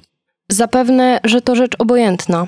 Mówiła dzieweczka głosem zgnębionym. Zwłaszcza obojętna dla ciebie, gdyż inne bóstwo zajęło w sercu twoim moje miejsce. Jeżeli ono jednak zdoła dostarczyć ci w przyszłości słodyczy, ukojenia, pociechy i radości, słowem tego, czym ja pragnęłabym cię otoczyć, to istotnie nie mam powodu do troski. Jakież to bóstwo cię zastąpiło? Zapytał dawny Scrooge. Cielec złoty. Odparła beznamiętnie. Oto sprawiedliwość ludzka. Zawołał dawny Scrooge. Przeklinają ubóstwo, a jednocześnie potępiają tych, którzy w pocie czoła starają się o dostatek. Przesądzasz sprawiedliwość świata. Zauważyła dzieweczka. Wszystkie swoje myśli i pragnienia zwróciłeś do jednego celu do wzbogacenia się. Widziałam dobrze, jak wszystkie twoje szlachetne uczucia gasły jedno po drugim, tłumione tą namiętnością, która ostatecznie zwyciężyła. Czy nieprawda? I cóż z tego? Zapytał. Jeżeli stałem się praktyczniejszy i rozsądniejszy, to nie znaczy, żebym się zmienił względem ciebie. Potrząsnęła główką z niedowierzaniem. Czy zmieniłem się? Pomiędzy nami istnieje umowa, którą zawarliśmy wówczas, kiedy oboje byliśmy biedni. Wówczas nie uskarżaliśmy się na los, lecz pracowaliśmy pełni nadziei, że przyjdą i dla nas lepsze czasy, że praca zapewni nam byt, choć skromny. Od tego czasu zmieniłeś się. Gdyśmy zawierali umowę, byłeś innym człowiekiem. Byłem wtedy prawie dzieckiem. Przerwał niecierpliwie. Własne twoje sumienie mówi ci, że byłeś zupełnie inny. Odparła. Co do mnie, wcale się nie zmieniłam. To, co nam obiecywało szczęście, gdyśmy jednako czuli i myśleli, teraz jest dla nas źródłem cierpienia i męki. Jak często i z jaką boleścią o tym myślałam, nie jestem w stanie wypowiedzieć. Dość, że mogłam o tym myśleć. Teraz zwracam ci słowo. Czy kiedykolwiek żądałem tego? Słowami nie, nigdy. W takim razie w jaki sposób? Zmianą usposobienia, widocznym przygnębieniem i niepokojem. Zmieniłeś się zupełnie we wszystkim. Zmieniłeś treść swojego życia i cel jego. Gdybyś dawniej nie dał mi słowa, powiedz szczerze, czy teraz zechciałbyś mnie pojąć za żonę? Z pewnością nie. Zdawał się uznawać słuszność jej przypuszczenia, mimo to odparł. Sama nie wierzysz w to, co mówisz. Jakże byłabym szczęśliwa, gdybym mogła myśleć inaczej. Szepnęła smutnie. Bóg świadkiem, że byłabym bardzo szczęśliwa. Jedynie niezwalczona siła mogła mnie przyprowadzić do tak bolesnych wniosków. Gdybyś był wolny w tej chwili, czy wybrałbyś sobie za żonę biedną dziewczynę, ty, których w chwilach najgorętszych uniesień nie przestajesz ważyć wszystko na szalach zysku i patrzeć na wszystko ze stanowiska rządzy wzbogacenia się? Gdybyś się nawet zapomniał na chwilę, gdybyś się ze mną połączył dozgodnie, to czyż mogłabym wątpić, że wkrótce żałowałbyś tego kroku? Jestem głęboko przekonana, że przyszłoby do tego niebawem. I to jest powodem, że zwracam ci dane słowo. Czynię to szczerze, imię miłości, jaką żywiłam dla ciebie wtedy, kiedy byłeś inny. Chciał coś powiedzieć, lecz ona, odwróciwszy się od niego, ciągnęła dalej. Być może, a nawet jestem przekonana, że zerwanie zaboli cię. Lecz niedługo, bardzo niedługo będziesz cierpiał. Potrafisz usunąć wszelkie wspomnienia o naszej miłości jak niemiły sen i z radością uczujesz się wolny. Obyś był szczęśliwy w życiu, jakie sobie obrałeś. W ten sposób się rozstali. Dosyć już duchu. Zawołał Scrooge. Zaprowadź mnie do domu. Nie jestem w stanie dłużej znosić podobnych udręczeń. Jeszcze jeden cień. Odparł duch. Nie, nie, dosyć. Błagał Scrooge. Nie chcę nic więcej widzieć. To nad moje siły. Lecz nieubagany duch pochwycił go mocno w ramiona i kazał mu patrzeć na następny obraz. Znajdowali się teraz w pokoju niezbyt wielkim, lecz urządzonym zacisznie i wygodnie. Przy kominku, na którym płonął jasny i wesoły ogień, siedziała dzieweczka, tak podobna do tej poprzedniej, iż Scrooge myślał, że to ta sama. Dopóki nie zauważył, że jest już teraz poważną mężatką i że obok siedzi jej córka. W pokoju było gwarno, a nawet panował tam ogromny hałas, sprawiany przez gromadkę dzieci, których Scrooge w pierwszej chwili, będąc silnie wzburzony, nie zauważył. Dzieci owe wcale nie zachowywały się tak, jak owych czterdzieścioro maleństw w poemacie, co siedziały niby trusiątka, spokojnie i cicho. Ta dzieciarnia zachowywała się całkiem inaczej. Każdy z malców swawolił i krzyczał za czterdziestu. Dlatego panowała tu taka olbrzymia wrzawa, która jednak nikogo nie raziła. Owszem, matka i córka śmiały się serdecznie i pocieszały się tym bardzo. Córka, wmieszawszy się do zabawy, została przez małych swawolników napadnięta ze wszystkich stron. Czego bym nie dał, żeby być jednym z nich. Lecz oczywiście nie okazałbym się tak okrutny jak oni. Wierzcie mi, za wszystkie skarby świata nie ośmieliłbym się potargać gładko uczesanych włosów pięknej siostrzyczki, ani też zerwać z jej stopy miniaturowego pantofelka. Nie ośmieliłbym się również za nic na świecie objąć wiotkiej i kształtnej jej kibici, jak to te małe nic ponie czyniły podczas zabawy, bez wszelkiej ceremonii, gdyż obawiałbym się, żeby moja ręka za podobną zbrodnię nie pozostała już na zawsze zgięta. A jednak, wyznaję szczerze, pragnąłbym dotknąć jej ust. Pragnąłbym ją zapytać o coś wprost dlatego, żeby ją skłonić do ich otworzenia. Pragnąłbym patrzeć na jej spuszczone skromnie oczy, lecz tak, żeby nie wywołać rumieńca. Pragnąłbym rozpleść jej wonne włosy, których najmniejszy loczek przechowałbym jako drogą pamiątkę. Słowem, pragnąłbym wobec niej posiadać wszelkie przywileje dziecka i jednocześnie pozostać dojrzałym mężczyzną, aby móc należycie ocenić jej urok. Po chwili rozległo się pukanie i dzieciarnia rzuciła się natychmiast ku drzwiom, tak gwałtownie, z takim wrzaskiem, że piękna siostrzyczka, uśmiechnięta i z suknią w nieładzie, została porwana przez rozigraną gromadkę i pociągnięta na powitanie ojca, wchodzącego z posłańcem obładowanym gwiazdkowymi podarkami. Teraz wśród krzyku i wrzawy nastąpił atak na bezbronnego posłańca. Dzieci wdrapywały się na niego po krzesłach, jak po drabinach, aby zanurzyć ręce w jego kieszeni, pozbawić go paczek, chwytać za pas, wieszać mu się na szyi, siadać na barkach i kopać go po nogach. A wszystko to czyniły z radości, której oprzeć się nie było zdolne. Z jakim podziwem i uciechą witano zawartość każdej, choćby najmniejszej paczki. Ile było radości, wdzięczności i zachwytu. Jakąż rozpacz wywołało przypuszczenie, że jedno z dzieci, wziąwszy do ust maleńką brytwannę z kuchni dla lalek, połknęło znajdującego się w niej indyka z cukru. Jakąż następnie ulgę uczuli wszyscy, gdy okazało się, że to był fałszywy alarm. To wszystko nie da się opisać.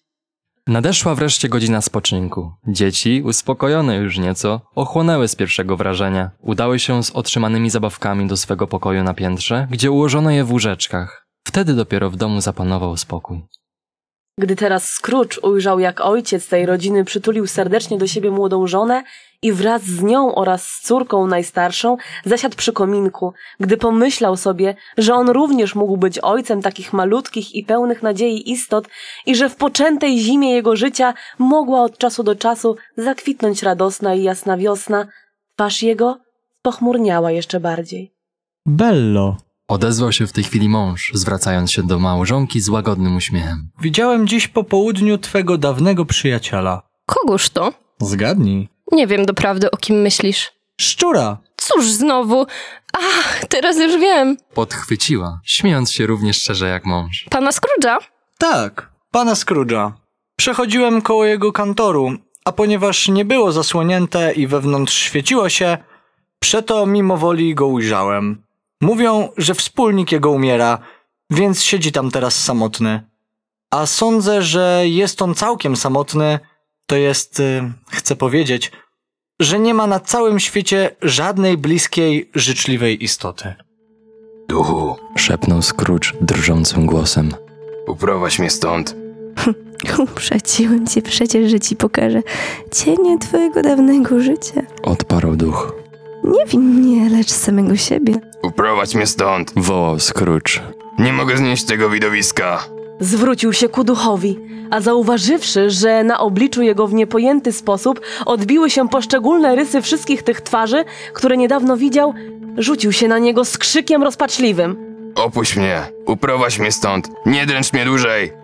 Podczas walki z duchem, jeżeli to w ogóle można było nazwać walką, bo duch nie broniąc się wcale, zdawał się nie odczuwać wysiłków napastnika, spostrzegł Scrooge, że złote włosy uwolniły się spod obrzydliwej czapki i rozlały kaskadę światła w ciemności wieczora. W tym mniemaniu, że owo światło daje duchowi nad nim przewagę, chwycił nakrycie głowy i wtłoczył je na głowę ducha.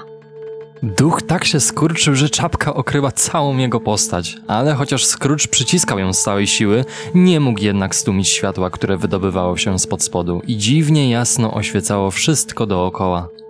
Nagle Scrooge uczuł, że siły jego wyczerpują się i że owłada nim niepokonana senność. Po chwili spostrzegł, że znajduje się w swojej sypialni. Na pożegnanie tedy raz jeszcze nacisnął gasidło, po czym zaledwie dowlókł się do łóżka i rzucił się na nie. natychmiast zasnął twardo. Rozdział trzeci. Drugi z zapowiedzianych duchów. Scrooge obudził się wśród głośnego chrapania i natychmiast usiadł na łóżku, aby pozbierać myśli. Tym razem nikt nie potrzebował mówić mu, że jest właśnie godzina pierwsza. Czuł, że obudził się o właściwej porze, w celu, aby odbyć konferencję z drugim gościem, przysłanym mu przez Jakuba Marleya. Na myśl jednak, że któraś z kotar jego łóżka mogłaby zostać odsunięta przez nowe widmo, niemiły dreszcz przebiegł jego członki. Sam przeto własnymi rękami rozsunął kotary. Potem znów się położył i postanowił dokładnie uważać na wszystko. Chciał bowiem pierwszy odezwać się do ducha w chwili jego zjawienia się. Nie życzył sobie być zaskoczonym niespodziewanie ani przerażonym. Ludzie szczególnej odwagi, którzy utrzymują, że mogą znieść wszelkie wrażenia, nigdy zimnej krwi nie tracąc, zwykle mówią o sobie Zdolni jesteśmy do wszystkiego, od zjadania chleba aż do połykania ludzi. Między tymi dwiema ostatecznościami znajduje się niewątpliwie szerokie pole do popisu. Nie pragniemy bynajmniej w Scrooge'u przedstawić takiego samochwały. Mogę was jednak zapewnić, że był on przygotowany istotnie na cały szereg nadzwyczajnych zjawisk i wmawiał w siebie, że teraz już chyba nic nie może go wprawić w zdumienie. Zaczynając od kolebki dziecka, a kończąc na olbrzymim nosorożcu. Właśnie dlatego, że był na wszystko przygotowany, nie spodziewał się wcale, że na razie nic nadzwyczajnego nie zobaczy. Gdy przeto zegar wybił pierwszą, a nie zjawił się nikt, uczuł lodowate zimno, a ciało jego przebiegły dreszcze. Minęło pięć, dziesięć minut, kwadrans, żadnego widma. Przez cały czas leżał na łóżku, w samym środku czerwonego światła, które oblało go w chwili, gdy zegar wydzwaniał godzinę, a które właśnie dlatego, że było tylko światłem, niepokoiło go o wiele więcej niż cały tuzin duchów, ponieważ niepodobna było odgadnąć, co ono znaczy i czego chce. Chwilami obawiał się, że może nagle spłonąć, nie mając nawet tej pociechy, iż stałoby się to z jego świadomością. Wreszcie przyszło mu na myśl, że źródło tego dziwnego światła znajduje się zapewne w sąsiednim pokoju, z którego, jak to stwierdził po bliższej obserwacji, istotnie promieniowało. Doszedłszy do tego przekonania, wstał po cichu i w pantoflach podreptał do drzwi. W chwili, gdy Scrooge położył rękę na klamce, jakiś obcy głos kazał mu wejść. Usłuchał. Był to jego własny pokój. To nie ulegało wątpliwości, ale zaszła w nim dziwna zmiana. Ściany i sufit były przystrojone zielonymi gałęziami, tak, że cały pokój wyglądał jak altana ozdobiona mnóstwem purpurowych jagód. Liście bluszczu, jemioły i ostrokrzewu odbijały światło i wyglądały niby mnóstwo małych zwierciadełek. Na kominie płonął tak silny ogień, jakiego ten komin, zawsze ostygły za czasów Scrooge'a i Marleya, od wielu, wielu lat nie znał. Na podłodze był urządzony jakby tron z indyków, gęsi, kaczek, dziczyzny, wielkich kawałów pieczeni, prosiąt, długich wianków kiełbas, plam puddingów, beczułek z ostrygami pieczonych kasztanów, różowych jabłek, soczystych pomarańczy, apetycznych gruszek, olbrzymich placków i naczyń z wrzącym ponczem. A wszystko to napełniało cały pokój przedziwnym zapachem – na tym tronie rozparł się wygodnie, wspaniale wyglądający, z wesołym obliczem olbrzym. W ręku trzymał płonącą pochodnię w kształcie rogu obfitości, soko, aby oświecić Scrooge'a w chwili, gdy ostrożnie zaglądał do pokoju. Wejdź, Zawołał ów duch. wejdź przyjacielu, musimy się przecież poznać. Scrooge wszedł nie bez trwogi i pochylił głowę przed duchem. Nie był to już ten śmiały, niczego nie obawiający się, dawny Scrooge.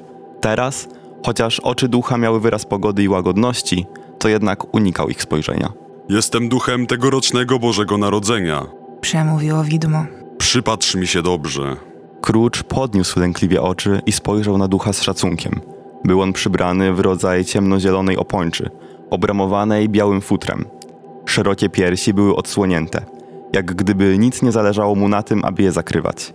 Także i nogi, wyglądające spod szerokich fałd opończy, były bose. Głowa zaś nie miała żadnego innego nakrycia, tylko wieniec z liści dębowych, wśród których tu i ówdzie błyszczały sopelki lodu. Ciemnie jego włosy spadały w swobodnych zwojach na barki. Pogodne oblicze oprawione w gęsty zarost, błyszczące oczy, rubaszny głos, swobodne zachowanie się. Wszystko mówiło o jego otwartości i wesołym usposobieniu. Przy boku jego wisiała u pasa stara pochwa, na poły zjedzona przez rdze, bez miecza. Nie widziałeś dotychczas nikogo do mnie podobnego? Zapytał duch.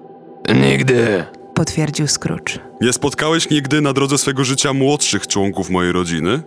Mam na myśli, bo sam jestem bardzo młody, moich starszych braci i siostry, którzy urodzili się ostatnimi laty. Pytał dalej duch. Nie zdaje mi się. Odparł Scrooge. A nawet jestem pewien, że nie. Dużo masz rodzeństwa, duchu? Przeszło dziewięciuset. Odpowiedział duch.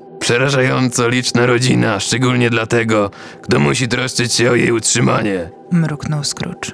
Duch tegorocznego Bożego Narodzenia powstał. Duchu, Rzekł Scrooge pokornie. prowadź mnie dokąd chcesz. Wczorajszej nocy wyprowadzono mnie przemocą i dano mi naukę, która teraz zaczyna działać. Dziś jestem gotów i za tobą jeśli zamierzasz nauczyć mnie czegoś, nie omieszkam skwapliwie z tego skorzystać. Dotknij ręką mojej szaty. Odezwał się duch. Scrooge z całą siłą chwycił skraj szaty ducha, a zielone gałęzie, czerwone jagody, indyki, gęsi, pieczenie, prosięta, kiełbasy, pasztety, puddingi, owoce i poncz wszystko znikło w jednej chwili. Znikł także pokój, ogień, czerwony blask, nocna pora, a Scrooge z duchem znaleźli się na ulicach miasta. Był to ranek pierwszego dnia Bożego Narodzenia. Z chodników i z dachów zmiatano śnieg, który rozsypywał się w powietrzu, tworząc sztuczną śnieżycę ku niemałej uciesze i grających na ulicy dzieci. Ściany domów, a zwłaszcza ich okna, wydawały się zupełnie czarne. Nie tylko w porównaniu z gładkim, białym całunem śniegu na dachach, ale nawet w porównaniu z brudnym śniegiem na ulicach, w którym ciężkie koła wozów i pojazdów powyorywały głębokie bruzdy. Bruzdy owe krzyżowały się w najrozmaitszych kierunkach, tworząc istny labirynt wąskich kanałów w brunatnym, z wierzchu zakrzepłym błocie i w przemienionej w lód wodzie. Niebo było pochmurne i nawet najkrótsze ulice ginęły w gęstej mgle, której cięższe części spadały na ulicę w postaci szoronu. Nie było nic wesołego w całym otoczeniu, a jednak unosiło się w powietrzu coś tak uroczystego i tak radosnego, że nawet najpiękniejsza letnia pogoda ani najjaśniejsze promienie letniego słońca nie zdołałyby stworzyć czegoś podobnego. Nawet robotnicy zmiatający śnieg z dachów byli pełni wesołości i ochoty. Nawoływali się wzajem z dachów, od czasu do czasu rzucali jeden na drugiego kule śniegowe. Poczciwszy to pocisk aniżeli niejedno słówko i zanosili się serdecznym śmiechem, zarówno przy trafieniu celu, jak w razie chybienia go. Sklepy spożywcze były tylko do połowy otwarte, natomiast owocarnie imponowały swoim bogactwem. Tu widziałeś ogromne, pękate kosze wspaniałych kasztanów, przypominające swoją wypukłością brzuchy starych smakoszów. Ustawione we drzwiach sklepów zdawało się, że lada chwila upadną na ulicę w zachwycie swego apoplektycznego zadowolenia. Tam spostrzegłeś czerwonawe główki hiszpańskiego czosnku, jaskrawe, przysadziste, zdające się spoglądać wyzywająco na skromnie snujące się dziewczęta, które tylko spod oka spoglądały na wiszące wszędzie girlandy uwite z gałązek ostrokrzewu. Dalej piętrzyły się apetyczne piramidy jabłek i gruszek. Ówdzie ułożono stosy winogron, na których ponętny widok aż ślinka cieknie. Dalej umieszczono całe stosy ciemnych, puszkiem okrytych orzechów, przypominających swoim aromatem dawno zapomniane przechadzki po lasach pełne uroku. Dalej pieczone i suszone jabłka norfolskie, pomarszczone i ciemne, lecz prześlicznie wyglądające na tle cytryn i pomarańczy, które zdawały się gwałtem napraszać, aby je zawinięto w papier, zabrano do domu i tam spożyto na deser. Złote i srebrne rybki, i nawet one, chociaż posiadają krew zimną, teraz wystawione w małych szklanych akwariach wśród tego bogactwa owoców, jakby odgadywały, że dzieje się coś niezwykłego, bo z wielkim wzburzeniem przepływały tam i z powrotem swojej siedziby. A właściciele sklepów kolonialnych co u nich za skarby. Chociaż ich sklepy były do połowy zamknięte, lecz przez szpary można było podziwiać ich zasoby. Ale nie tylko zwracały tam uwagę wesołe szczękania talerzy wag – nie tylko furkot sznurków, szybko odwijanych z żelaznych kółek, aby nimi zręcznie oplatać paczki zakupionych towarów. Nie tylko nieustanny brzęk blaszanych szufelek nabierających kawę lub herbatę. Nie tylko łoskot wydawanych przez różnorodne paczki rzucane na kontuar, które to się zjawiały, to znikały, jak kule w rękach żonglera. Nie tylko zwracał tam jeszcze uwagę zmieszany aromat kawy i herbaty, tak przyjemny dla powonienia, nie tylko stosy czerwonych dużych rodzynków i śnieżno-białych migdałów, nie tylko góry cynamonu i innych silnie pachnących korzeni. Nie tylko owoce smażone w cukrze, których sam widok łaskotał podniebienie. Nie tylko festony mięsistego i soczystego winogradu. Nie tylko koszyki pełne skromnie zarumienionych śliwek francuskich. Słowem, nie tylko wszystkie te przeróżne, smaczne rzeczy przedstawione w najponętniejszych postaciach. Główną uwagę zwracali kupujący, niecierpliwie pragnący wypełnić dziś w zupełności od dawna umyślony plan. Trzeba było widzieć, jak się tłoczyli w drzwiach, uderzając jeden drugiego swymi koszykami i paczkami, zapominając na kontuarze część zakupów i szybko wracając po nie, popełniając tysiące pomyłek i przeoczeń z nadzwyczajną dobrodusznością. Jednocześnie trzeba było podziwiać cierpliwość kupca i jego pomocników, ich uprzejmość, ich ugrzecznienie, z jakim się dziś starali zwracać do wszystkich. Zdawało się, że gdybyś od nich zażądał serca, to bez wahania wyjęliby je z piersi i ofiarowali z równą skwapliwością, jak herbatę lub kawę. Wtem zabrzmiały dzwony wzywające pobożnych do kościoła i wkrótce ulice zaroiły się ludźmi, którzy poprzybierali nie tylko odświętne szaty, ale także najbardziej świąteczne miny. Jednocześnie z bocznych ulic, uliczek i zaułków bez nazwy wypłynęło mnóstwo ludzi, którzy nieśli swój obiad do piekarza, ażeby go tam odgrzać. Widok tych biednych, a jednak tak szczęśliwych w tej chwili, zdawał się najwięcej zajmować ducha. Zatrzymał się bowiem wraz ze Scrooge'em przy drzwiach jednego z piekarzy i podnosząc pokrywy naczyń w chwili, gdy niosący je przechodzili mimo niego, okadzał ich posiłek dymem swej pochodni. Była to iście cudowna pochodnia. Gdy bowiem kilku ludzi poczęło się o coś spierać i nawet padły z ich ust dość ostre wyrazy, Duch pokropił ich kilku kroplami rosy ze swej pochodni, a natychmiast wróciła im pogoda umysłu. Przyznawali teraz, że to wstyd sprzeczać się w Dzień Bożego Narodzenia. Niebawem umilkły dzwony, a sklepy piekarzy zamknięto. W powietrzu unosiły się smaczne zapachy odgrzewanych obiadów, a kominy pieców piekarzy wyrzucały kłęby dymu pomieszanego z parą. Zapewne twoja pochodnia ma jakąś szczególną własność. Zapytał Scrooge. Tak jest. Własność czynienia wszystkiego przyjemnym. I własność ta działa na każdy obiad w tym dniu? Pytał dalej Scrooge. Na każdy, który podają z dobrą wolą. Szczególnie na obiad ubogich. Dlaczego szczególnie na ich obiad? Ponieważ oni tego najwięcej potrzebują. Wciąż niewidzialni, duch ze Scrooge'em udali się na przedmieście. Duch mógł, co Scrooge zauważył już u piekarza. Pomimo swej olbrzymiej postaci, dostawać się wszędzie z łatwością i wszędzie, zarówno w niskiej lepiance, jak i we wspaniałej sali pałacu, przedstawiał się pięknie i imponująco, jak przystało na istotę nadprzyrodzoną. Być może iż powodowany radością, jaką odczuwał wskutek swej władzy, a może powodowany serdeczną, uprzejmą naturą i współczuciem dla wszystkich biednych, dość, że duch zaprowadził Scrooge'a trzymającego się wciąż jego szaty do mieszkania jego pomocnika. Na progu duch zatrzymał się z uśmiechem i pobłogosławił mieszkanie Boba Cratchita rosą ze swej pochodni. Pomyślcie tylko, Bob miał tylko 15 bobów na tydzień. Każdej soboty chował do kieszeni ledwie 15 swoich imienników. A jednak duch, po... a jednak duch błogosławił dzisiejszej nocy wigilijnej jego domowi. Małżonka Cratchita w ubogiej, dwa razy już nicowanej sukni, przystrojonej bardzo tanimi wstążkami, ale jak na sześć pensów, wyglądającymi wcale ładnie. Stała właśnie na środku pokoju i nakrywała stół. Belinda Cratchit, jej druga córka, pomagała jej, podczas gdy pan Piotr Cratchit wsuwał widelec do miski pełnej ziemniaków, a równocześnie wpychały mu się do ust rogi olbrzymiego kołnierzyka.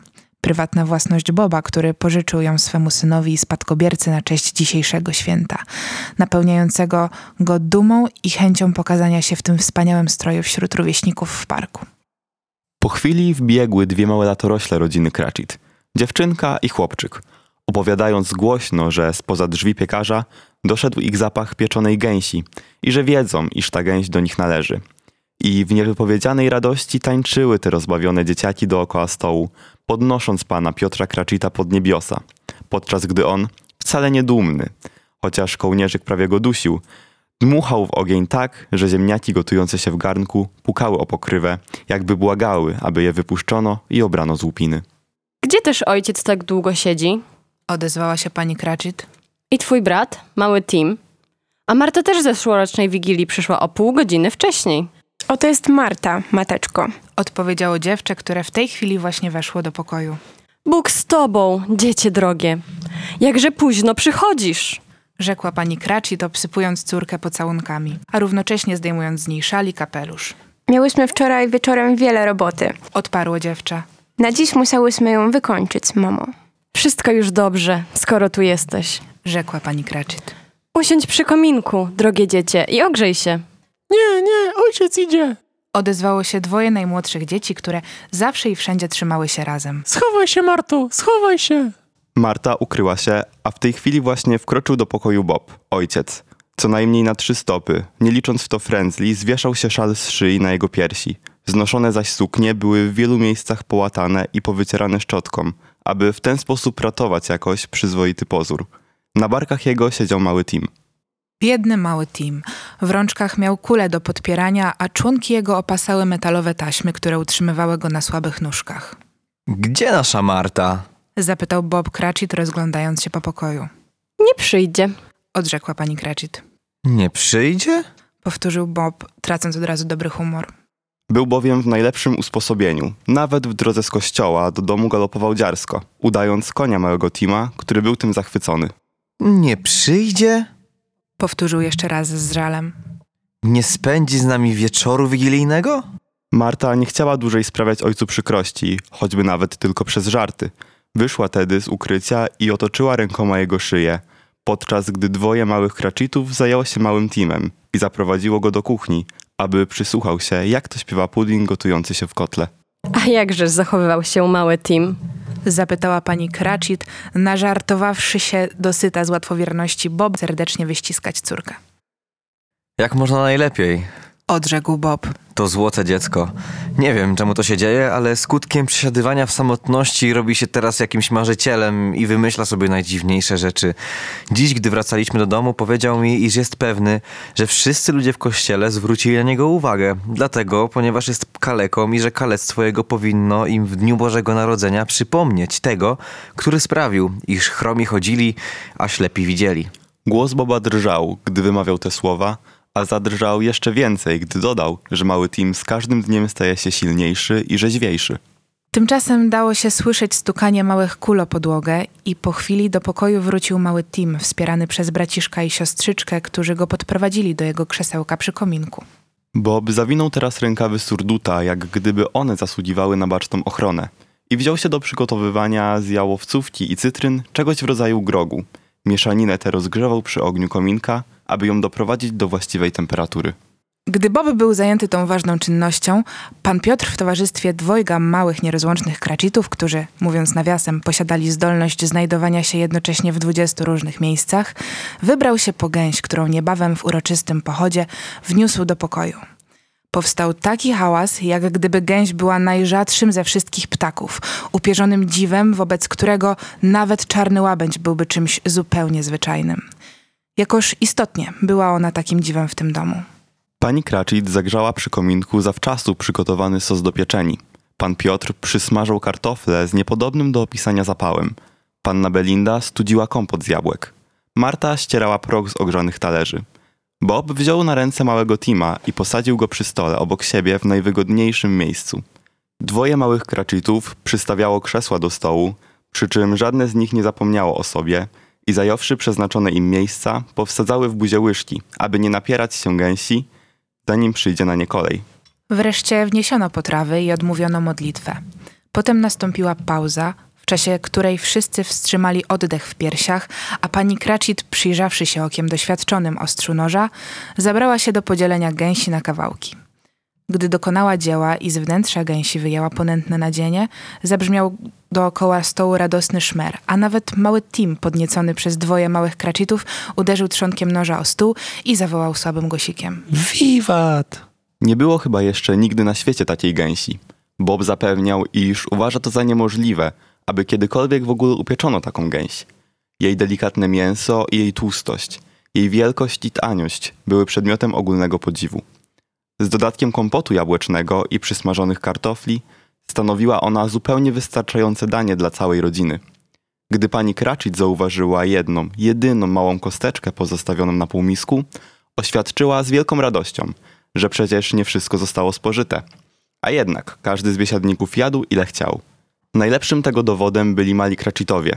Na policzkach ich bowiem świeciły się resztki kompotu i kartofli.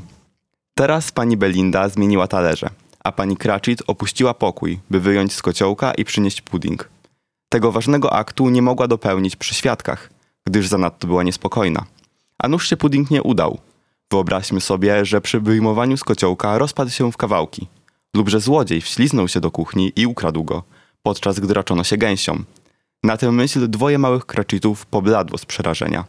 W ogóle przypuszczano przez chwilę wszelkie możliwe okropności. Halo, chmura pary. Pudding wyjęty z kociołka. Co za przyjemny zapach bije z serwety, w którą zawinięto pudding. Właściwie mieszanina apetycznych woni. Przypominają one trochę kuchnię, trochę piekarnię, trochę pralnię. Takie aromaty wydawał z siebie ów pudding. Wreszcie do pokoju weszła pani Cratchit, wzruszona, ale dumna i uśmiechnięta, niosąc przed sobą pudding, twardy i zbity jak kula działowa, oświecony promieniami i zapalonego rumu, świąteczną gałązką ostrokrzewu wetkniętą w sam środek. O nadzwyczajny, cudowny pudding. Bob Cratchit oświadczył głosem spokojnym i pewnym, że uważa go za arcydzieło kucharskie pani Cratchit od czasu ich małżeństwa.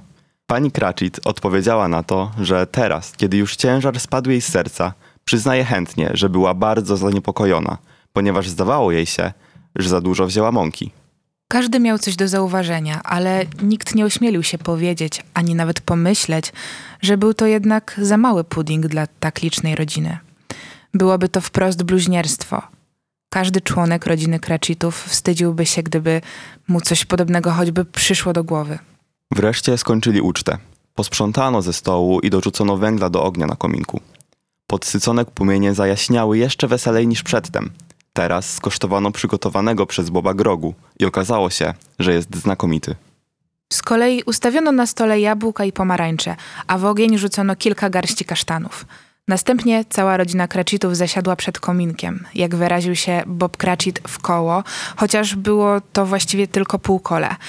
Bob po środku, a obok niego cały zapas szklanek rodziny. Dwie szklaneczki i garnuszek bez łóżka. Naczynia te jednak były napełnione gorącym grogiem, który wyglądał w nich równie dobrze, jak gdyby to były złote puchary. Bob rozlewał ten napój z promieniejącym wzrokiem, podczas gdy w ogniu podskakiwały i strzelały kasztany. Potem Bob wzniósł toast. Daj nam Boże, moi drodzy, przepędzić szczęśliwe święta, niech nas Bóg błogosławi. Cała rodzina powtórzyła ten toast. Niech Bóg błogosławi nas wszystkich i każdego z osobna. Rzekł ostatni mały Tim. Siedział tuż obok ojca, na małym krzesełku. Bob trzymał jego małą, wychudłą rączkę w swojej dłoni, jak gdyby okazać dziecięciu swoją szczególną dla niego miłość. Zarazem, jak gdyby obawiając się, żeby mu ukochanego maleństwa nie zabrano. Duchu, Odezwał się Scrooge ze współczuciem, którego nigdy dotychczas nie doznawał. powiedz mi, czy mały Tim żyć będzie? Widzę próżne krzesło przy kominku Odparł duch. I starannie przechowywane kule bez właściciela. Jeżeli przyszłość nie zmieni tego widzenia, dziecko umrze. Nie, nie. Zawołał Scrooge. O dobry duchu, powiedz, że ono będzie żyło. Jeżeli przyszłość nie zmieni tego widzenia, Powtórzył duch. to już żaden z moich następców nie zastanie tutaj tego dziecka. Ale o co ci chodzi? Skoro musi umrzeć, to lepiej, żeby umarło zaraz i zmniejszyło przez to nadmiar ludności. Scrooge, słysząc swoje własne słowa, powtórzone przez ducha, pochylił głowę, przejęty skruchą i żalem. Człowieku, Rzekł duch. jeśli masz serce, a nie kamień, to nigdy nie wypowiadaj tak ohydnych słów. Dopóki nie zrozumiesz, czym jest właściwie ten nadmiar ludności i gdzie on się znajduje. Czy ty masz prawo rozstrzygać, którzy ludzie mają żyć, a którzy umrzeć? Być może, iż ty w oczach Stwórcy jesteś o wiele mniej wart życia niż miliony istot podobnych do tego dziecka biednego człowieka. Wielki Boże, czy można obojętnie słuchać, jak marny robak, który nie widzi nic poza liściem, na którym siedzi, skarży się obłudnie na to, iż w pośród jego głodnych, dręczonych nędzą bliźnich znajduje się za wiele żyjących? Scrooge wysłuchał upomnień ducha w pokorze i spuścił oczy. Naraz usłyszał wymówione swoje nazwisko. Niech żyje pan Scrooge. Przemówił Bob. Wypijmy jego zdrowie, gdyż jest on naszym chlebodawcą i jemu zawdzięczamy dzisiejszą naszą ucztę. Jemu zawdzięczamy. Zawołała pani Cratchit z oburzeniem. Pragnęłabym bardzo, żeby tu się zjawił. Wyprawiłabym mu ucztę po swojemu. Tak jest. Wypowiedziałabym mu w oczy wszystko, co o nim myślę, a spodziewam się, że nie przypadłoby mu to do gustu. Droga żono, mówisz to przy dzieciach. Upomniał ją łagodnie Bob. Dzisiaj przy tym mamy święto Bożego Narodzenia. Istotnie. Tylko w tak wielkie święto można wznosić zdrowie tak podłego, obrzydłego skąpca. Człowieka bez serca, jakim jest Scrooge.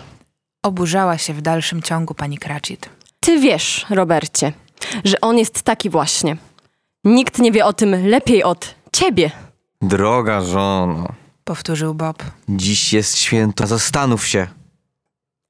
A więc wychylę jego zdrowie. Uczynię to przez miłość dla ciebie i przez wzgląd na dzisiejsze święto. Rzekła pani Cratchit. Niech żyje długie lata. Życzę mu wesołych świąt i szczęśliwego nowego roku. Życzę mu tego. Ale wątpię, czy to się spełni. Bardzo wątpię. Dzieci, idąc za przykładem matki, wypiły również zdrowie Scrooge'a. Był to pierwszy akt, którego dokonali tego wieczoru bez serdeczności i bez ciepła, pod naciskiem przymusu. Mały Tim wypił ostatni, ale nie dodał do tego żadnej uwagi. Widocznie Scrooge był postrachem rodziny, czymś w rodzaju ludożercy. Wymienienie jego nazwiska rzuciło na nich wszystkich ponury cień, który nie ustąpił przez całe pięć minut. A gdy wreszcie ustąpił, byli weseli dziesięć razy więcej niż przedtem, ponieważ uwolnili się od tego okropnego Scrooge'a. Bob Cratchit uroczyście oznajmił, że ma obiecane dla pana Piotra miejsce, któremu będzie przynosiło aż pół szósta szylinga tygodniowo. Dwoje małych Cratchitów roześmiało się serdecznie na myśl Piotra już jako człowieka pracy. Sam pan Piotr spoglądał w zamyśleniu przez otwór swego kołnierzyka w ogień, zastanawiając się zapewne nad tym, w jakich papierach ulokuje swoje oszczędności, skoro już znajdzie się w posiadaniu tak bajecznej pensji. Marta, która pracowała u modniarki, opowiadała, jak wiele teraz ma do roboty, ile to godzin w porze większego ruchu musi pracować i że zamierza jutro wyspać się za wszystkie czasy.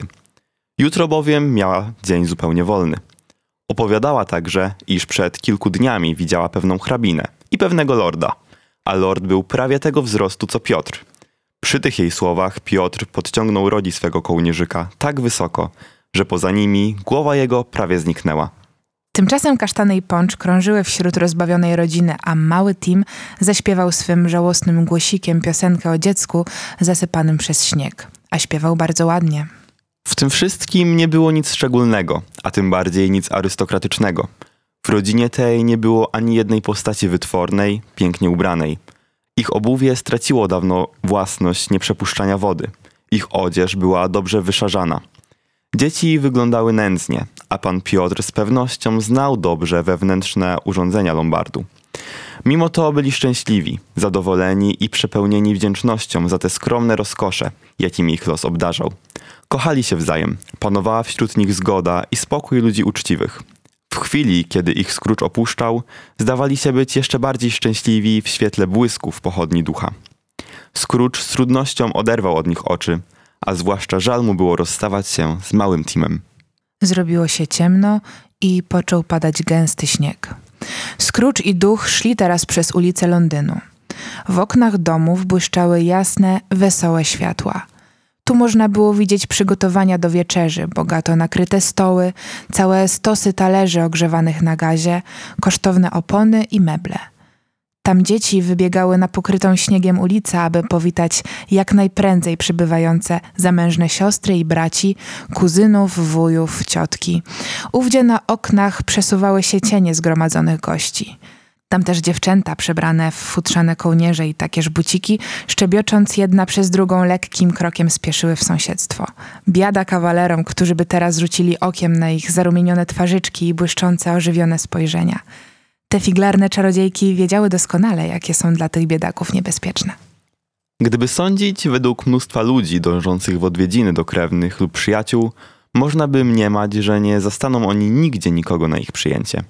Byłaby to omyłka. W każdym domu oczekiwano gości i na każdym kominku płonął wesoły ogień. Jakżeż duch był szczęśliwy. Odsłaniał swoją szeroką pierś i otwierał swą pełną dłoń, na wszystko dookoła rzucając hojnie, szczere, poczciwe, szlachetne rozradowanie. Nawet latarnik przebiegający w ubraniu odświętnym ciemne ulice, aby ponuro mogła ich rozjaśnić blaskami światła i który właśnie myślał o spędzeniu wieczoru u towarzysza pracy, roześmiał się głośno, gdy duch przeleciał obok niego. Chociaż poczciwina ani się domyślał, że spotkał istotę tak dziś ważną. Wtem, bez żadnego uprzedzenia ze strony ducha, znaleźli się wśród jakiegoś rozległego pustkona, na którym wznosiły się tu i ówdzie rzucone ogromne głazy, jak gdyby to było cmentarzysko olbrzymów. Woda, nie mająca tu żadnego hamulca, zalałaby całą przestrzeń, gdyby mróz nie ujął jej w okowy lodowe. Oprócz mchu, paproci i twardej, ostrej trawy, nic więcej tu nie rosło. Na dalekim zachodzie niknące słońce pozostawiło pas płonącej czerwieni, spoglądającej na to rozpaczliwe pustkowie, niby nabiegłe krwią oko rozjątrzonego tygrysa.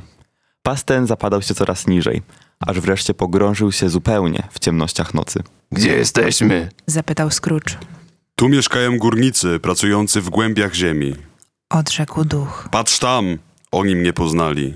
W oknie jakiejś nędznej lepianki błyszczało światło. Pomknęli tam szybko. Zastali wesołe towarzystwo, siedzące dookoła wielkiego, jasno płonącego ogniska. Zgrzybiały starzec, jego sędziwa żona w otoczeniu dzieci, wnuków i prawnuków. Wszyscy w odświętnych szatach. Starzec śpiewał hymn wigilijny głosem, który niekiedy tylko przygłuszał wycie wiatru nad pustkowiem. Była to bardzo stara pieśń, którą on śpiewał jeszcze wówczas, kiedy był małym chłopcem. Od czasu do czasu wszyscy wtórowali mu chórem. Za każdym razem zaś, gdy ich głosy zabrzmiały, starzec ożywiał się, a głos jego stawał się silniejszy. Natomiast gdy milkły, jego siły słabły i znów zapadał w niemoc starczą. Duch nie bawił tu długo. Poleciwszy Scrooge'owi, by trzymał się silnej jego opończy, uniósł go w powietrze. Jak myślicie, dokąd go uniósł? Przecież nie na morze. A właśnie na morze. Ku wielkiemu swemu przerażeniu ujrzał Scrooge znikającą poza sobą ziemię, a w dole usłyszał głuchy pomruk pieniących się fal, z wściekłością uderzających o skaliste brzegi, jak gdyby rzucały zuchwałe wyzwanie podmywanej przez nie ziemi. Na posępnej skale do połowy zanurzonej w wodzie, w odległości mili od stałego lądu, stała samotna latarnia morska. Przez cały rok szalały i huczały dookoła niej fale. Ogromne stosy traw morskich osnuwały jej stopy. Mewy, można by mniemać, że zrodzone z wiatru jak trawa morska z fal, unosiły się i opadały w powietrzu dookoła jej szczytu, jak u dołu rozigrane fale, nad którymi te ptaki żeglowały. I tutaj nawet dwaj latarnicy rozpalili ogień, który rzucał jasny snop promieni na wyburzoną powierzchnię morza, przez otwór w grubym murze latarni. Ci, co rozniecili ogień, ludzie prości, wyciągnąwszy zgrubiałe od ciężkiej pracy ręce poprzez stół, przy którym zasiedli, życzyli sobie wzajem wesołych świąt, trącając się kubkami gorącego grogu. Jeden z nich, starszy, o twarzy zniszczonej przez ustawiczne zmiany powietrza, pooranej zmarszczkami podobnej do twarzy figur wyżynanych ongi na przodach okrętu, ześpiewał jakąś dziką pieśń wigilijną ochrypłym głosem, przypominającym poryki wiatru w czasie burzy. Duch znów uniósł Scrooge'a ponad czarne, piętrzące się morze, aż w końcu daleko już od brzegów zatrzymali się na pokładzie jakiegoś okrętu. Tu wciąż przechodzili z miejsca na miejsce. Zatrzymali się najprzód przy sterniku, następnie przy strażniku, wreszcie przy oficerach na służbie. Wszystkie te szorstkie, surowe postacie, spełniając swoje ciężkie i odpowiedzialne obowiązki, nuciły jednak z cicha pieśń wigilijną, bądź myślały o wielkim święcie, bądź wreszcie opowiadały sobie wzajem wspomnienia dawnych świąt, spędzonych wśród rodziny, snując nadzieję rychłego powrotu do swoich. Każdy marynarz znajdujący się na tym okręcie, czuwający czy śpiący, zły czy dobry, miał w tym dniu dla towarzyszy lepsze, cieplejsze słowo niż kiedykolwiek w ciągu roku. Każdy uczestniczył w uroczystości, każdy w mniejszym lub w większym stopniu doznawał radosnego uczucia, myślał o tych, którzy niezawodnie w tej chwili myślą też o nim. Scrooge przysłuchiwał się żałosnym jękom wichru i rozmyślał, jaka to wspaniała rzecz posuwać się wśród nieprzejrzanej ciemności ponad niezmierzoną przepaścią ukrywającą na dnie swoim wielkie tajemnice. Nagle ze zdumieniem usłyszał głośny śmiech. Zdumienie zaś jego wzrosło do najwyższego stopnia, gdy poznał głos siostrzeńca, i gdy znalazł się nie wiadomo jakim sposobem w jasnym, ciepłym i schludnym pokoju. Obok niego stał duch i z życzliwym uśmiechem spoglądał na jego siostrzeńca. Śmiał się wciąż siostrzeniec Scrooge'a. Gdybyś, szanowny słuchaczu, co jednak jest niepodobieństwem, znał człowieka śmiejącego się serdeczniej i szczerzej niż siostrzeniec Scrooge'a, to i ja pragnąłbym go poznać. Przedstaw mnie, a będę utrzymywał z nim znajomość. Nie ma nic słuszniejszego, sprawiedliwszego i szlachetniejszego nad prawo równowagi, które sprawia, że o ile choroby i smutki udzielają się innym, o tyle również radość, dobry humor i śmiech są zaraźliwe. Moc tego prawa można było zaobserwować tu właśnie. Gdy bowiem siostrzeniec Scrooge'a śmiał się na całe gardło, trzymając się za boki, kiwając głową i wykrzywiając twarz najdziwaczniej, żona jego śmiała się równie serdecznie, a i zebrani goście nie pozostawali w tyle.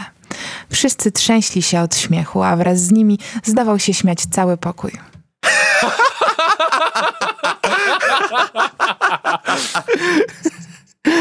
Jak mnie tu żywym widzicie, powiedział, że Wigilia to głupstwo. Wołał siostrzeniec Scrooge'a. Powiedział najwyraźniej i jestem przekonany, że rzeczywiście tak myśli. Tym gorzej dla niego, Fredziu. Z oburzeniem zauważyła jego żona. Błogosławione niech będą kobiety. One nic nie czynią połowicznie i zawsze biorą rzeczy na serio. Żona Freda była bardzo ładną kobietką.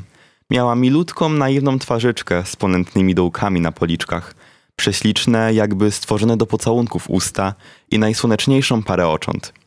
W jej piękności było coś wyzywającego, ale w tym dobrym, szlachetnym znaczeniu, które nikomu nie uchybia. On jest po prostu starym dziwakiem. Zaopiniował siostrzeniec Scrooge'a. Nie mylę się.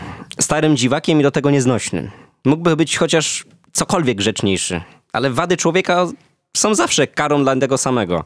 Jest to prawda niezbita i pamiętając o niej, nie będę mu czynił wymówek. Staje się, Fredziu, że on jest bardzo bogaty. Zauważyła żona. Przynajmniej ty zawsze mi tak mówisz. No I co z tego, moja droga? Odparł Fred. Bogactwo jest dla niego bez pożytku, bo nie używa go na nic dobrego. Sam z niego nie korzysta i nie pomaga nikomu. Odmawia nawet sobie wszelkich wygód. Wiem dobrze o tym. Nigdy mi też na myśl nie przyszło prosić go kiedykolwiek o pomoc. Ale też on chyba nigdy nie pomyślał o tym, że my kiedyś, wcześniej czy później odziedziczymy jego skarb. Nie cierpię go. Rzekła piękna kobietka, a jej siostry i wszyscy goście przyznali, że ma zupełną słuszność. Co do mnie, nie mam do niego nawet żalu. Odezwał się siostrzeniec. Żal mi go, ale nie mógłbym gniewać się na niego, gdybym nawet chciał. Któż bowiem cierpi przez jego kaprysy? On sam i tylko on sam. Uroiwszy sobie na przykład, że powinien nas nie lubić, nie chciał przyjąć naszego zaproszenia. Jakiż z tego rezultat? Taki, że uniknął niesmacznego obiadu. Tak sądzisz? Mnie się zdaje, że stracił doskonały obiad. Zawołała energiczna, dotknięta w najczulszy punkt kobietka. Wszyscy przyłączyli się do jej zdania, a chyba mogli być kompetentnymi sędziami w danym razie, gdyż przed chwilą właśnie skończyli ów obiad. Pozostaje mi tylko przeprosić i dodać, Odezwał się Fred, gdy mu minął paroksyzm śmiechu. że wuj, postąpiwszy z nami tak niegrzecznie i nieżyczliwie, nie przyjąwszy mojego zaproszenia, sam się pozbawił pewnej dozy radości, która prawdopodobnie nie zaszkodziłaby mu. Jestem przekonany, że miałby tu towarzyszy przyjemniejszych od tych, jakich posiada we własnych swych myślach, czy to przesiadując w starym, zatęchłym kantorze, czy też w zakurzonym i pustym pokoju. Mam zamiar zapraszać go corocznie bez względu na to, czy mu się to podoba, czy nie, bo mi go po prostu żal. Może szydzi z Wigilii Bożego Narodzenia do samej śmierci, ale zdaje mi się, że w końcu przekona się do niej, gdy będę chodzić do niego co rok i pytać życzliwie Wuju Scrooge, jak się mywasz? Gdyby go to natchnęło myślą zapisania swojemu pomocnikowi jakichś 50 funtów, byłbym szczerze zadowolony. Nie jestem tego pewien, ale też mi się zdaje, że wczoraj go wzruszyłem. Wszyscy zebrani zaczęli się śmiać z naiwności Freda. On sądził, że mógł wzruszyć Scrooge'a, jak gdyby tego starego kutwę mogło co na świecie wzruszyć. Ale Fred miał przedziwny charakter. Mało go obchodziło, z czego się towarzystwo śmieje. Jego cieszyła ta wesołość i, aby ją podtrzymać, otworzył nową butelkę wina. Po herbacie zaczęła się muzyka. Była to bowiem muzykalna rodzina. A zapewniam was, że wiedzieli, co robią, gdy śpiewali chórem. Żona Freda grała wcale dobrze na harfie. Teraz bez próbowania uderzyła w struny i zagrała krótką, prostą melodię. Od drobnostka. Mógłbyś nauczyć się jej gwizdać w dwie minuty. Gdy ta melodia zabrzmiała, wszystko, co Scrooge'owi przypomniał duch wigilijnej przeszłości, stanęło mu teraz przed oczami.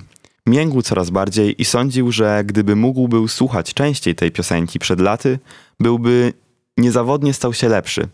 I to własną zasługą, bez pomocy łopaty grabarza, która pogrzebała Jakuba Marleya. Muzyka jednak nie zajęła całego wieczoru. Mając już jej dosyć, rozpoczęli zabawę w fanty. Bo dobrze jest czasem wrócić do dzieciństwa, zwłaszcza w dzień wigilijny, który jest przecież wielkim świętem dzieci. Naprzód więc bawiono się w ślepą babkę. Oczywiście, że tak. Ale nie chce mi się wierzyć, żeby Toper naprawdę nie widział, mając przewiązane oczy. Wszakże oczu w trzewikach nie nosił. Moim zdaniem była to rzecz ułożona pomiędzy nim i siostrzeńcem Scrooge'a. Wiedział o tym niezawodnie i duch tegorocznego Bożego Narodzenia. Towarzystwo składało się coś ze 20 osób, młodych i starych, a wszyscy bawili się przewybornie. Nawet Scrooge tak się zainteresował zabawą, że zapomniawszy być słyszany, wtrącał się często do zabawy, odgadywał zadawane zagadki, zwykle najzupełniej trafnie, gdyż trzeba przyznać, że najostrzejsza, najsubtelniejsza igła nie mogłaby się porównywać z subtelnością Scrooge'a. Miał on wprawdzie pozór dobroduszny, a nawet głupkowaty, lecz sam go sobie nadawał, ażeby móc wyzyskiwać ludzi.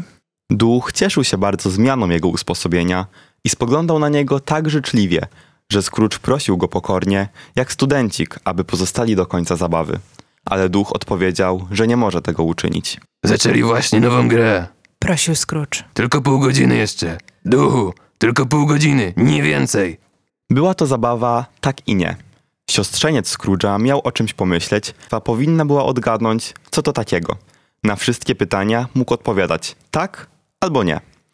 Pod krzyżowym ogniem pytań, na które był wystawiony, musiał się przyznać, że kolejno.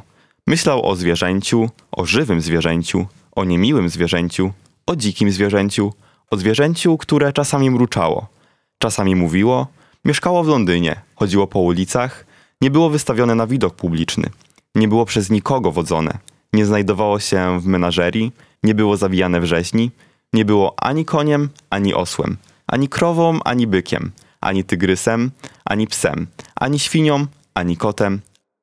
Przy każdym odgadnięciu niewłaściwym siostrzeniec wybuchał szalonym śmiechem, a nawet zrywał się z kanapy i skakał po pokoju. W końcu pulchna jego kuzynka, wpadłszy również w szał wesołości, zawołała. Już go mam! Wiem co to! Wiem! Więc powiedz. To twój wujaszek, Scrooge! Zgadła. Wszyscy byli zachwyceni, chociaż słusznie ktoś zauważył, że na pytanie, czy to jest niedźwiedź, odpowiedź powinna była wypaść tak, ponieważ zaprzeczenie odwróciłoby myśli uczestników zabawy od Scrooge'a, jeśli by istotnie o nim myśleli. Wesołych świąt i szczęśliwego nowego roku staruszkowi, jakikolwiek on tam jest. Ciągnął Fred dalej. Nie chciał przyjąć ode mnie tych życzeń, jednak ja mu je składam. Niech żyje wuj Scrooge. Zdrowie wuja Scrooge'a! Zawołali wszyscy. Wujowi Scrooge zrobiło się tak wesoło i lekko na sercu, że byłby podziękował siostrzeńcowi i całemu towarzystwu choćby nieuchwytnym dla nich głosem, gdyby duch pozwolił na to. Lecz cała scena znikła mu z oczu z ostatnimi słowami siostrzeńca, a on wraz z duchem znów ruszyli dalej. Widzieli wiele ciekawych obrazów, zaszli daleko, odwiedzili wiele ognisk domowych, a wszędzie duch przynosił ze sobą pogodę umysłu i szczerą radość. Zatrzymywał się przy łożach chorych, darząc ich zdrowiem. Pocieszał wygnańców, którzy czuli się wtedy jakby w kraju rodzinnym. Zrozpaczonym ciężką walką o byt ukazywał nadzieję lepszej przyszłości, godząc ich z losem. Zbliżał się do nędzarzy, którzy zapominali wtedy o swoich cierpieniach. W przytułku, szpitalu, więzieniu, w każdym schronieniu nędzy i nieszczęścia, gdyż próżny i pyszny człowiek swoją marną, niedaleko sięgającą władzą nie mógł mu tam wzbronić wstępu. Wszędzie zostawiał cząstkę swoich dobrodziejstw, dając w ten sposób Scrooge'owi przykład miłosierdzia. Była to długa noc, jeżeli to była jedna tylko noc. Lecz Scrooge miał pod tym względem wątpliwości. Zdawało mu się mianowicie, że w tym przeciągu czasu, jaki spędza z duchem, odbyło się kilka dzenia. Przy tym Scrooge zauważył rzecz arcydziwną. W jego własnej powierzchowności nic się nie zmieniło, gdy tymczasem duch starzał się widocznie i to bardzo szybko. Scrooge ani jednym słowem nie napomknął o tym duchowi, dopóki nie spostrzegł, opuściwszy jakąś zabawę dziecięcą urządzoną z powodu Bożego Narodzenia, że włosy ducha zupełnie zbielały. Wtedy zapytał. Czy życie duchów jest tak krótkie? Moje życie na tym świecie jest bardzo krótkie. Odrzekł duch. Kończy się bowiem dzisiejszej nocy. Dzisiejszej nocy? Powtórzył Scrooge. Tak, dziś o północy. Dlatego musimy się spieszyć. Zegary na wieżach wydzwoniły właśnie w tej chwili trzy kwadranse do dwunastej. Wybacz mi zbyt śmiałe może pytanie, Rzekł Scrooge, patrząc uparcie na dolny brzeg opończy ducha. lecz spostrzegam pod twoją szatą coś dziwnego. Co nie należy do ciebie? Czy to noga, czy łapa zwierzęcia? Prawdopodobnie łapa, gdyż obrasta ją ciało. Brzmiała smutna odpowiedź ducha. Patrz! Spod opończy wysunęło się dwoje dzieci. Dwoje nędznych, wstrętnych, strasznych, przerażających istot. Uklękły one u stóp ducha, trzymając się silnie z kraju jego szaty. Och, człowieku, spojrzyj, przypatrz się im dobrze. Zawołał duch. Był to chłopiec i dziewczyna. Żółte, chude, obdarte, dzikie, zwilczałe te istoty czołgały się w pokorze po ziemi. Zamiast młodocianego wdzięku, który powinien był jaśnieć w ich twarzach, zamiast zdrowego rumieńca, wyschła ręka czasu pokryła ich lice zmarszczkami, usunęła z nich krew, napiętnowała strasznym zwyrodnieniem. Tam, gdzie powinien był znajdować się wyraz anielski, tam zdawało się, kryły się złe duchy, rzucając groźne spojrzenia. Nie można sobie wyobrazić bardziej wstrętnych, przerażających potworów. Scrooge, blady jak płótno z przerażenia, odwrócił się, lecz obawiając się obrazić ducha, który być może był ojcem tych istot, usiłował powiedzieć, że są to przedziwne dzieci. Kłamstwo jednak byłoby zbyt rażące. Wybełkotał zatem tylko. Czy to twoje dzieci? To są dzieci ludzkości. Odparł duch, spoglądając na nieszczęsne istoty z głębokim współczuciem. Udają się one do mnie, błagając, ażebym ich bronił przed ich ojcami. To jest Dodał wskazując chłopca. gniew, a dziewczynka nosi miano ciemnota. Strzeż się obu jak ognia oraz tego wszystkiego, co od nich pochodzi. A przede wszystkim strzeż się chłopca, gdyż na jego czole wypisany jest straszny wyraz zguba. Możesz się ich wyprzeć. Ciągnął dalej duch, podnosząc głos i wyciągając rękę w kierunku miasta. Możesz oburzać się na tych, co to mówią, możesz ich spotwarzać i potępiać. Ale jeśli nie postarasz się o usunięcie tych klęsk, biada ci. Czyż nie istnieje pomoc dla tych stworzeń? Wyszeptał Scrooge. A tak, Odparł duch z ironią, przypominając mu jego własne słowa. są przecież więzienia, są domy poprawy. Wybiła północ. Scrooge szukał oczyma ducha, lecz nie mógł go dojrzeć. Z ostatnim uderzeniem godziny przypomniał sobie zapowiedź Jakuba Marleya, a wtedy, podniósłszy oczy, spostrzegł nowego ducha. Miał on postawę majestatyczną, uroczystą. Był przybrany w długi, do ziemi sięgający płaszcz z kapturem, a zbliżał się do Scrooge'a powoli, ociężale, jak tuman mgły. Rozdział czwarty. Ostatni duch.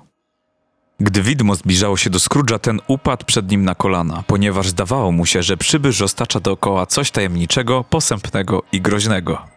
Ów długi czarny płaszcz, podobny do całunu, spowijał szczelnie całą postać ducha, nawet głowę i twarz, pozwalając widzieć tylko jedną wyciągniętą rękę.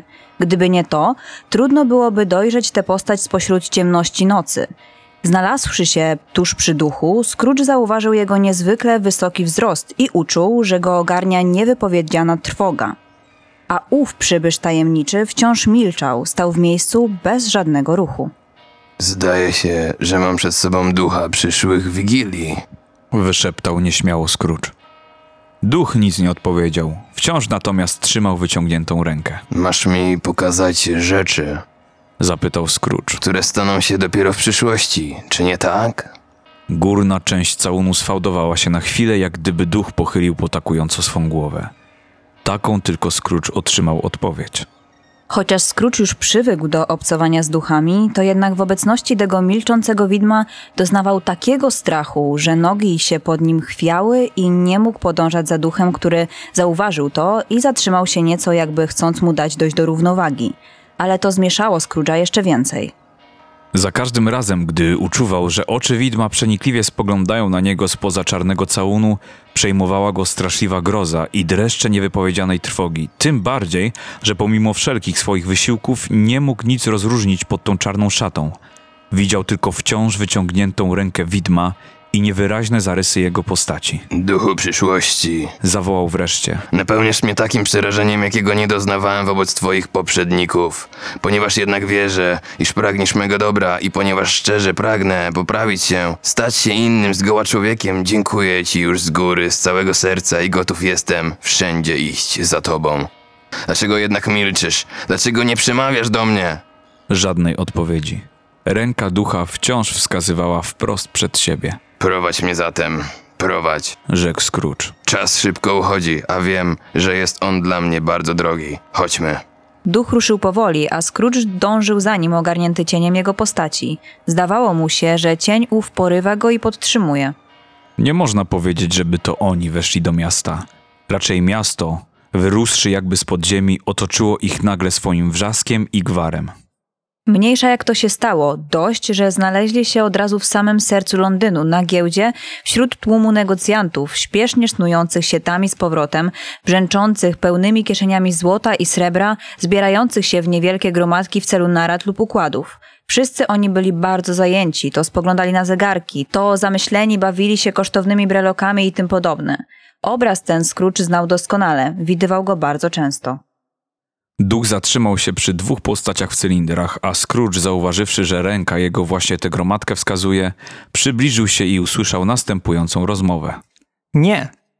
Mówił wysoki, bardzo tłusty jegomość z wprost potwornym podbródkiem. Wiem tylko, że umarł. Kiedy? Zapytał inny. Podobno wczoraj w nocy. I jakiż powód? Co mu się stało? Dopytywał, racząc się obficie tabaką ze srebrnej tabakiery. Ja sądziłem, że on już nigdy nie umrze. Bóg raczy wiedzieć, co mu było. Odparł pierwszy, ziewając przeciągle. Ciekawa rzecz, co zrobił z pieniędzmi. Może zapisał swoim wspólnikom. To tylko wiem, że ja nie będę jego spadkobiercą. Dowcip ten spowodował wybuch śmiechu. Zdaje mi się, Ciągnął dalej jegomość z potwornym podbródkiem. że będzie miał marny pogrzeb. Jestem pewien, że przystrojenia kościoła i karety żałobne niedrogo będą kosztowały, bo nie znam nikogo, kto by chciał pójść za jego trumną. A gdybyśmy tak bez zaproszenia odprowadzili go do grobu? Jeżeli nam wyprawią porządną stypę, to ja nie mam nic przeciwko temu. Za takie poświęcenie coś się przecież należy. Duet znów się roześmiał. Jak widzę, to ja jestem najwięcej bezinteresowny. Odezwał się jegomość z potwornym podbródkiem. Nigdy nie chodzę na cmentarz i nie ubiegam się o stypy, ale jeżeli któryś z was wybierze się na ten pogrzeb, ja chętnie towarzyszyć mu będę. Prawdę mówiąc, poniekąd sympatyzowaliśmy ze sobą, to znaczy ja z nieboszczykiem. Przy spotkaniu zawsze wymienialiśmy wzajem choć kilka słów. No tymczasem do widzenia. Panowie uścisnęli dłonie, rozeszli się i zniknęli w tłumie, a Scrooge, który poznał rozmawiających, zwrócił oczy na ducha, jak gdyby oczekując od niego wyjaśnienia tego, co usłyszał.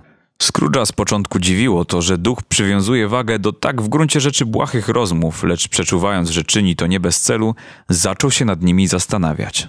Nie mógł przypuścić, żeby rozmowy te dotyczyły Jakuba Marleya, jego dawnego wspólnika, chociażby z tego tylko względu, że Marley umarł już stosunkowo dawno, więc śmierć jego należała do przeszłości, a duch przecież miał związek jedynie z przyszłością. Zamiast odpowiedzi, duch pomknął na ulicę i palcem wskazał dwie dostojne damy. Scrooge znów nadstawił uszu w nadziei, że teraz zagadka się rozwiąże. Dwie damy, wskazane przez ducha, znał również dobrze. Były to małżonki bardzo bogatych i bardzo wpływowych giełdziarzy. Scrooge usilnie starał się pozyskać ich zaufanie i szacunek, oczywiście w znaczeniu czysto giełdowym. Witam panią. Jakże zdrowie? Nie zgorzej. A pańskie? Wcale dobrze. A tego starego kutwę powołano nareszcie do obrachunku. Słyszałam o tym. Ale też nieznośne zimno dzisiaj mamy. Przecież to pora po temu, święta Bożego Narodzenia. Pani nie jeździsz na łyżwach? Co mi po tym? Mam co innego na głowie. Do widzenia. Do widzenia. Na razie Scrooge nie mógł w żaden sposób wymiarkować, o którym z jego znajomych rozmawiano. Nie wątpił jednak, że kogokolwiek dotyczyły te rozmowy, w każdym razie zawierały naukę mającą za cel jego dobro, którą on powinien przyjąć z uwagą i wdzięcznością. Doszedłszy do tego przekonania, postanowił jak najpilniej przysłuchiwać się wszystkiemu, co tylko mu w uszy wpadnie, a przede wszystkim obserwować bacznie swoją postać, jeśli się ona zjawi, przewidując, że zachowanie się tej postaci, która będzie przedstawiała jego samego w przyszłości, da mu klucz do rozwiązania dręczących go zagadnień. Zaczął więc szukać swojej postaci. Któż jednak zajął uprzywilejowane jego miejsce na giełdzie? Scrooge nie znał tego człowieka. Rozglądając się na wszystkie strony, nie mógł znaleźć siebie, chociaż zegar giełdowy wskazywał właśnie godzinę, w której zwykle tu przebywał. Ta okoliczność zresztą nie zaniepokoiła go nazbyt, gdyż już po odwiedzinach pierwszego widma postanowił w głębi duszy zmienić dotychczasowy sposób życia. Przypuszczał więc teraz, że jego nieobecność na giełdzie w tym okresie przyszłości stwierdza, iż w postanowieniu swoim wytrwał. Duch, wciąż posępny i nieruchomy, stał przy nim z wyciągniętą ręką. Ocknąwszy się z zamyślenia, Scrooge zauważył, że duch nie spuszcza z niego oczu, a to spostrzeżenie znów przejęło go dreszczem od stóp do głowy. Opuściwszy gwarną część miasta, zapuścili się w jedną z jego oddalonych, ubogich dzielnic, gdzie Scrooge nigdy nie zaglądał, wiedząc, że ludność jej miała jak najgorszą opinię. Składała się ona z ulic ciemnych, pełnych błota. Domy i sklepy były tu nędzne. Mieszkańcy bosi, półnadzy, pijani budzili wstręt i obrzydzenie. Podwórza i korytarze, nieprawdopodobnie wąskie, zagnojone, wydawały zabijający zaduch, dostrajały się do zezwierzęconej ludności, która się tu troiła. W ogóle dzielnica ta była stekiem błota, nędzy i zbrodni. W tej oto ohydnej dzielnicy znajdował się nędzny sklepik, w którym sprzedawano stare żelastwo, gałgany, stare butelki, kości, resztki wczorajszych marnych obiadów zebranych na brudnych talerzach. Na podłodze wewnątrz sklepu piętrzyły się gromady zardzewiałych kluczy, gwoździ, łańcuchów, zawiasów, pilników, talerzy, wag, gwintów. Słowem, najprzeróżniejsze odpadki żelazne. Dziwne i zapewne straszne tajemnice, których z badania nie każdy odważyłby się podjąć, ukrywały się pod stosami cuchnących łachmanów, odpadków tłuszczu i kości. Przy piecu, w którym spalono szczątki zgniłego drzewa, skleconym niezdarnie z kawałków starych cegieł, siedział wśród swoich towarów 70-letni białowłosy łotr.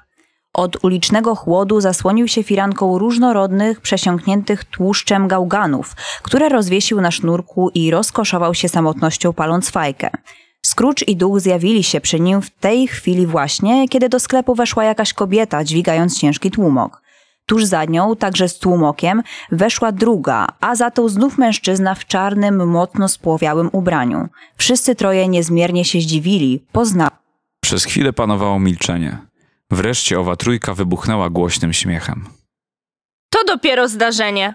Zawołała kobieta, która najpierw przyszła. Trzeba jednak utrzymać porządek. Niech posługaczka najpierw załatwi interes, potem praczka, a w końcu przedsiębiorca pogrzebowy. No patrzaj, że Joe, czy to nie rzecz szczególna? Zeszliśmy się tu, jak gdybyśmy się umówili, nieprawda? W każdym razie nie mogliście wybrać lepszego miejsca na taką schadzkę. Rzekł Edward, wyjmując z ust fajkę. Chodź, chodźmy do salonu. Znamy się przecież wszyscy. Zaczekajcież, tylko drzwi zamknę. Do licha, jakże one skrzypią. Sądzę, że w całym moim składzie nie można byłoby znaleźć równie zardzewiałych i skrzypiących zawiasów jak zawiasy tych drzwi i równie starych kości jak moje właśnie. Tak, tak. Wszystko to jest dobrane, wszystko odpowiada swemu stanowisku i przeznaczeniu, ale chodźmy do salonu. Ów salon oddzielony był od sklepu rodzajem złachmanionego parawanu. Stary przekupień poprawił płonący ogień kawałkiem żelaza, które niegdyś stanowiło część ozdobnej poręczy schodów. Usunął kopeć z lampy, była bowiem wtedy noc, cybuchem swej fajki, którą następnie znów wsunął w usta. Więc cóż, przecież wszystko w porządku, moja pani Wilber. Odezwała się posługaczka po chwili. Jestem zdania, że każdy człowiek powinien myśleć o sobie.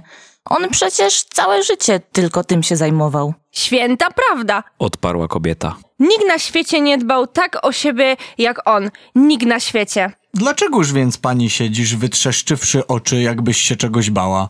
Wilki przecież nie, nie rzucają się na siebie, a kruk krukowi oka nie wykole. Byłoby całkiem głupio, gdybyśmy mieli przeszkadzać sobie wzajem w interesach. Zapewne, zapewne. Potaknęła pani Wilber. W takim razie wszystko w porządku. Prawiła posługaczka. Nie szukajmy dnia wczorajszego, to do niczego nie doprowadzi. Zresztą, czego tu się obawiać? O co? Trochę drobiazgów nikogo nie zuboży, a nieboszczyk się o nie chyba nie upomni. Święta prawda! Znów potwierdziła pani Wilber, uśmiechając się. Gdyby ten podły kutwa chciał ochronić swoje rzeczy od zmarnowania po jego śmierci, Mówiła posługaczka. mógł uczynić to bardzo łatwo, postępując jak wszyscy uczciwi ludzie. Dlaczegoż nie postarał się, żeby w chwili śmierci mieć przy sobie jakąś dobrą duszę, która by się nimi zaopiekowała? Nie chciał tego, nie postarał się o to, więc też zginie marnie w kącie. Gorzej psa. Święta prawda. Potwierdziła pani Wilber. Co posiał, to i zebrał. Święta prawda. Jeszcze bym więcej o nim powiedziała, gdybym tylko miała czas pomyśleć o czym innym, a nie o tym, z czym tu przyszłam. No, Edwardzie, rozwiąż tłumok, powiedz co on wart. Bądź zupełnie szczery, o to cię proszę. Wcale się nie obawiam zacząć pierwsza. Owszem, niech oni wiedzą, co tu jest. Wszyscy troje dobrze wiemy, po cośmy tu przyszli. Grzechu w tym nie ma. Dalej, rozwiąż tłumok, Edwardzie. Teraz nastąpiły prawdziwe chińskie ceremonie. Towarzysze jej pragnęli okazać, iż są dobrze wychowani, dlatego też przedsiębiorca pogrzebowy zdecydował się pierwszy przedstawić swoje łupy. Nie były one znaczne. Kilka pieczątek, ołówek w futerale, para spinek i tania szpilka do spinania chustki pod szyją. Tylko tyle. Edward każdy przedmiot bardzo skrupulatnie badał, a nawet obwąchiwał. Kreślił na ścianie kredą cenę każdego, a widząc, że nic więcej nie ma, sumował nakreślone liczby. Tyle wynosi twój rachunek, kochany przyjaciel. Rzekł do przedsiębiorcy pogrzebowego. Nie dam ani sześciu pensów więcej. Choćby mnie smażono na wolnym ogniu. Cóż tam więcej? Przyszła kolej na panią Wilber. W jej tłumoku znajdowały się prześcieradła, serwety i trochę ubrania. Dalej staroświeckie, srebrne łyżeczki do herbaty, szczypce do cukru i trochę obuwia. Jej rachunek również został zapisany na ścianie. Zawsze jestem względny dla dam. Zawsze im więcej płacę. Ta słabość nawet mnie rujnuje. Wyrzekał Edward. Twój rachunek, pani Wilber. Jeśli zażądasz choć jeden penny więcej, jeżeli zechcesz się targować, to gotów jestem cofnąć moją hojność i strącić pół korony. A teraz, Edwardzie, zajrzyj do mojego tłumoka. Rzekła posługaczka. Edward ukląkł na ziemi dla większej wygody i rozmotawszy nieskończoną ilość supłów, wydobył najprzód ogromny zwój ciemnej materii. Co tu takiego? Mruknął pod nosem. Kotary od łóżka? Nie inaczej. Odparła śmiejąc się posługaczka. To są kotary od łóżka. Czyżbyś, kochana przyjaciółko, ściągnęła to wszystko? Firanki, kółka, chwasty, słowem całe urządzenie, wtedy jeszcze, kiedy on leżał na łóżku? Zapytał Edward. Właśnie wtedy. Odparła posługaczka. Czy to nie była stosowna pora? W takim razie muszę ci oddać sprawiedliwość, droga przyjaciółko. Rzekł Edward. Stanowczo urodziłaś się w czepku i jesteś na drodze do zrobienia majątku. Zapewniam cię, Rzekła poważnie posługaczka. że wobec takiego człowieka uważałabym wszelkie skrupuły za śmieszność. Tak jest. Uważałabym się za bardzo naiwną, gdybym się wzdragała przywłaszczać sobie, co tylko pod rękę wpadnie. Ale ostrożnie z lampą. Dodała. Zatłuścisz kołdrę oliwą. To jego kołdra? Zapytał Edward. A czyjażby? Nie zziębi się przecież bez niej, nie dostanie kataru. Tu nie o to chodzi. Przerwał. Obawiam się tylko, czy on nie umarł na jakąś zaraźliwą chorobę. Bądź spokojny, kochany. Zapewniła go posługaczka. Wcale nie byłam tak spragniona jego towarzystwa, żebym się miała narazić na niebezpieczeństwo. Nie kręciłabym się przy nim, gdyby go toczyła jaka zaraza. Miłe mi jeszcze życie. Przypatrz się tylko tej koszuli. Zaręczam, że możecie całkiem wypatrzeć oczy, a nie znajdziecie ani jednej dziurki, ani nawet przetartego punktu. Jest to najlepsza koszula, jaką nieboszczyk posiadał i trzeba przyznać, że jeszcze bardzo dobra. Szczęściem, że tam byłam, bo inaczej zmarnowaliby ją. Jakimże sposobem? Zapytał rozciekawiony Edward. Włożyliby ją na nieboszczyka i pochowali go w niej. Odparła posługaczka, śmiejąc się. Znalazł się nawet jakiś głupiec, co już ją włożył na trupa. Ale spostrzegłam to w samą porę i zdjęłam z niego tę piękną sztukę białego, czystego płókna. A w perkalu pójść do grobu nie łaska? Jeżeli perkal nie jest właściwy do tego celu, to doprawdy nie wiem, na co on się może zdać. Zdaje mi się, że perkal jest najstosowniejszy dla nieboszczyków, a szczególnie dla tego starego sknery. Scrooge z przerażeniem przysłuchiwał się tej rozmowie. Ludzie, ci siedzący dookoła swej zdobyczy, przyciśnięci do siebie, sprawiali, sprawiali wrażenie zwierząt drapieżnych. Budzili w nim taki wstręt i taką nienawiść, jak bezwstydne demony prowadzące targ o świeżego trupa. Rozprawiała w dalszym ciągu posługaczka, zaśmiewając się cynicznie, podczas gdy Joe, wydobywszy z ukrycia flanelowy worek z pieniędzmi, odliczał każdemu z tej trójki przypadającą należność. To była rzecz prawdziwie dobra. Jedynie dobra, na jaką się zdobył przez całe życie. Nikt temu nie zaprzeczy. Za życia wszystkich odtrącał od siebie, żebyśmy mogli pożywić się trochę po jego śmierci. Duchu, Szepnął Scrooge, drżąc jak febrze. zrozumiałem, wszystko zrozumiałem. Los tego nieszczęśliwego może być moim losem. Do takiego końca prowadzi takie życie, jakie ja pędzę. Boże miłosierny, co ja widzę? Przy tym okrzyku cofnął się przerażony.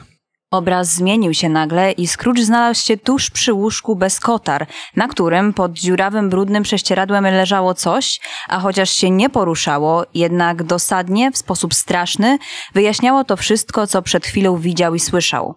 Pokój był ciemny, tak ciemny, że nie można było dokładnie widzieć, co się w nim znajduje. Chociaż Scrooge, pobudzony jakimś wewnętrznym nakazem, rozglądał się z ciekawością na wszystkie strony, słabe światło przedostające się z zewnątrz padało prosto na łóżko, gdzie leżał trup tego ograbionego, zapomnianego, opuszczonego przez wszystkich człowieka. Scrooge spojrzał na ducha. Ręka jego wskazywała głowę trupa. Ciało było tak niedbale okryte, że wystarczyło jedno dotknięcie, aby je odsłonić. Scrooge chciał to uczynić, pragnął zobaczyć twarz nieboszczyka, ale obawiał się. Sił mu brakło. O zimna, lodowata, sztywna, straszna śmierć.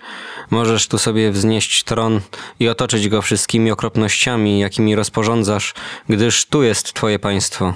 Lecz ty nie jesteś zdolna skazić jednego włosa na głowie miłowanej, czczonej i uwielbianej. Nie możesz skazić ani jednego rysu szlachetnej twarzy. Cóż stąd, że ręka takiego człowieka stężeje i opadnie bezwładna. Cóż stąd, że jego krew stężeje i serce bić przestanie. Ta ręka była otwarta, hojna i dobroczynna. To serce czuło i kochało gorąco. Radę było wszystkie niedole ogarnąć i ukoić. Uderzaj, nieubłagana śmierć, wymierzaj ciosy. Będą one bezsilne. Zobaczysz, że rany przez ciebie zadane i wytrysną dobre, zacne czyny niesiona wiecznego życia. Nikt tych słów nie wymówił, a jednak Scrooge dokładnie je słyszał, gdy patrzył na leżącego na łóżku nieboszczyka. Gdyby ten człowiek ożył, Myślał gdyby Scrooge. mógł rozpocząć nowe życie, co by powiedział o swojej przeszłości? Skąpstwo, chciwość, nieczułość, pragnienie wzbogacenia się. O tak straszny koniec. Ten trup zastygły leży pod złachmanionym prześcieradłem, opuszczony w tym ponurym i pustym domu i nie ma na świecie człowieka, który by powiedział On wyrządził mi kiedyś przysługę. Powiedział mi dobre słowo, kiedy potrzebowałem pociechy. Teraz wywdzięczę mu się za to. Kot tylko drapał do drzwi i gdzieś pod podłogą gospodarowały myszy. Czego one chcą w pokoju zmarłego? Dlaczego mącą ciszę? Dlaczego tak hałasują? Scrooge nie śmiał roztrząsać tych Duchu, pytań. Rzekł to straszne miejsce. Opuściwszy je, nigdy nie zapomnę nauki, jaką tu otrzymałem. Chodźmy stąd, chodźmy prędzej. Lecz duch wciąż ukazywał mu ręką głowę trupa. Wiem, duchu, czego żądasz ode mnie. Lecz nie mogę tego spełnić. Sił mi brak. Zdawało się, że duch spojrzał na niego bacznie. O duchu! Zawołał Scrooge głosem Jeżeli istnieje chociażby jeden człowiek, którego śmierć tego nieszczęśnika zmartwiła, to pokaż mi go. Błagam cię. Duch rozpostarł nad nim swój całun, jak gdyby skrzydła. Po chwili zaś opuścił go i naraz Scrooge ujrzał jasny, słoneczny pokój, w którym znajdowała się matka z dziećmi. Matka oczekiwała kogoś z wielkim niepokojem. Chodziła od okna do okna, wzdrygała przy najmniejszym szeleście, wyglądała na ulicę, spoglądała na zegar ścienny, próbowała na próżno zająć się robotą i widocznie z trudnością znuciła krzyki rozbawionych dzieci. Wreszcie usłyszała tak dawno oczekiwane stuknięcie we drzwi. Pobiegła, by je otworzyć. Był to jej mąż, człowiek jeszcze młody, lecz już znużony i sterany ciężkim życiem. Twarz jego miała w tej chwili dziwny wyraz. Malowała się na niej radość, której się widocznie wstydził i którą chciał ukryć. Zasiedli do stołu, aby spożyć obiad przegrzewany na kominie, a wówczas żona zapytała nieśmiało. Jakieś nowiny? On milczał, wahał się z odpowiedzią. Dobre czy złe? Nagliła delikatnie żona. Złe. Odparł. Więc jesteśmy ostatecznie zrujnowani? Nie, Karolino, jest jeszcze nadzieja. Zapewne w takim razie, jeżeli on zechce poczekać? Rzekła ona. Ale byłby to cud prawdziwy. Po nim czegoś podobnego spodziewać się nie można. On nie może już nic zrobić. Zauważył mąż. On umarł. Żona była dobrą, kochającą, zacną kobietą. Dość było spojrzeć na nią, żeby nabrać tego przekonania. Mimo to wiadomość udzielona przez męża przyniosła jej taką ulgę, że podziękowała za nią Bogu, chociaż zaraz ogarnął ją żal i wstyd, że się poddała samolubnemu uczuciu. W każdym razie pierwsze jej wrażenie było radosne. Więc Rzekła do męża. owa napółpijana baba, o której wspomniałam ci wczoraj, powiedziała mi prawdę, kiedym usiłowała dostać się do niego, żeby prosić chociaż tydzień zwłoki. On istotnie umarł, a mnie się zdawało, że umyślnie skłamała, żeby się mnie pozbyć. I jak myślisz? Zapytał mąż. Kto teraz przejmie nasz dług? Nie wiem. W każdym razie, zanim się ureguluje prawa spadku po nim, znajdziemy potrzebne pieniądze. A chociażbyśmy nawet ich nie znaleźli, to musiałaby nas prześladować szczególna fatalność, gdyby jego spadkobierca miał się okazać równie nieludzki jak on. Możemy zatem spać spokojnie. Jakoż wielki ciężar spadł im z serca. Nawet twarzyczki dzieci, przysłuchujących się rozmowie rodziców, której dokładnie nie rozumiały, zajaśniały radośnie. Śmierć tego człowieka wniosła odrobinę szczęścia do biednego domu. Jedynym wrażeniem dodatnim, jakie wywołał ów zgon, wrażeniem, które duch pozwolił stwierdzić Scrooge'owi naocznie, była radość gnębionych przez nieboszczyka ludzi. Duchu, Odezwał się Scrooge. pokaż mi śmierć ściśle związaną z miłością. Inaczej ów pokój straszny, któryśmy niedawno opuścili, wciąż będzie gnębił myśl moją. Duch powiódł go przez kilka dobrze mu znanych ulic. W drodze Scrooge pilnie oglądał się za wszystkie strony w nadziei, że zobaczy swą postać, ale nadaremnie. Weszli do domu biednego Boba Cratchita, do tego samego mieszkania, które Scrooge odwiedził tak niedawno. Zastali tam matkę z dziećmi. On zaś wziął dziecko i postawił wśród nich. W pokoju panowała cisza. Zwykle swawolne maleństwa, braciszek i siostra, siedzieli teraz cichutko w kącie pokoju, nie spuszczając oczu z Piotra, schylonego nad otwartą księgą. Matka i starsza córka szyły. Kto wypowiedział te słowa? Przecież to nie sen. Scrooge słyszał je wyraźnie. Widocznie Piotr je odczytał głośno w chwili, gdy duch ze Scrooge'em przestąpili próg pokoju. Lecz dlaczego chłopiec przerwał tak nagle czytanie? Matka położyła robotę na stole i zakryła twarz dłońmi. Oczy mnie bolą od koloru tej materii. Szepnęła. Od koloru materii? O biedny, maleńki Tim, Już mi lepiej. rzekła po chwili. Prawdopodobnie robota przy świetle męczy moje oczy, a ja nie życzę sobie, żeby ojciec to zauważył. On zapewne niedługo wróci. Powinien już być w domu. To prawda. Potwierdziła Belinda, zamykając księgę. Czyś nie zauważyła, mamo, że ojciec teraz schodzi znacznie wolniej niż dawniej?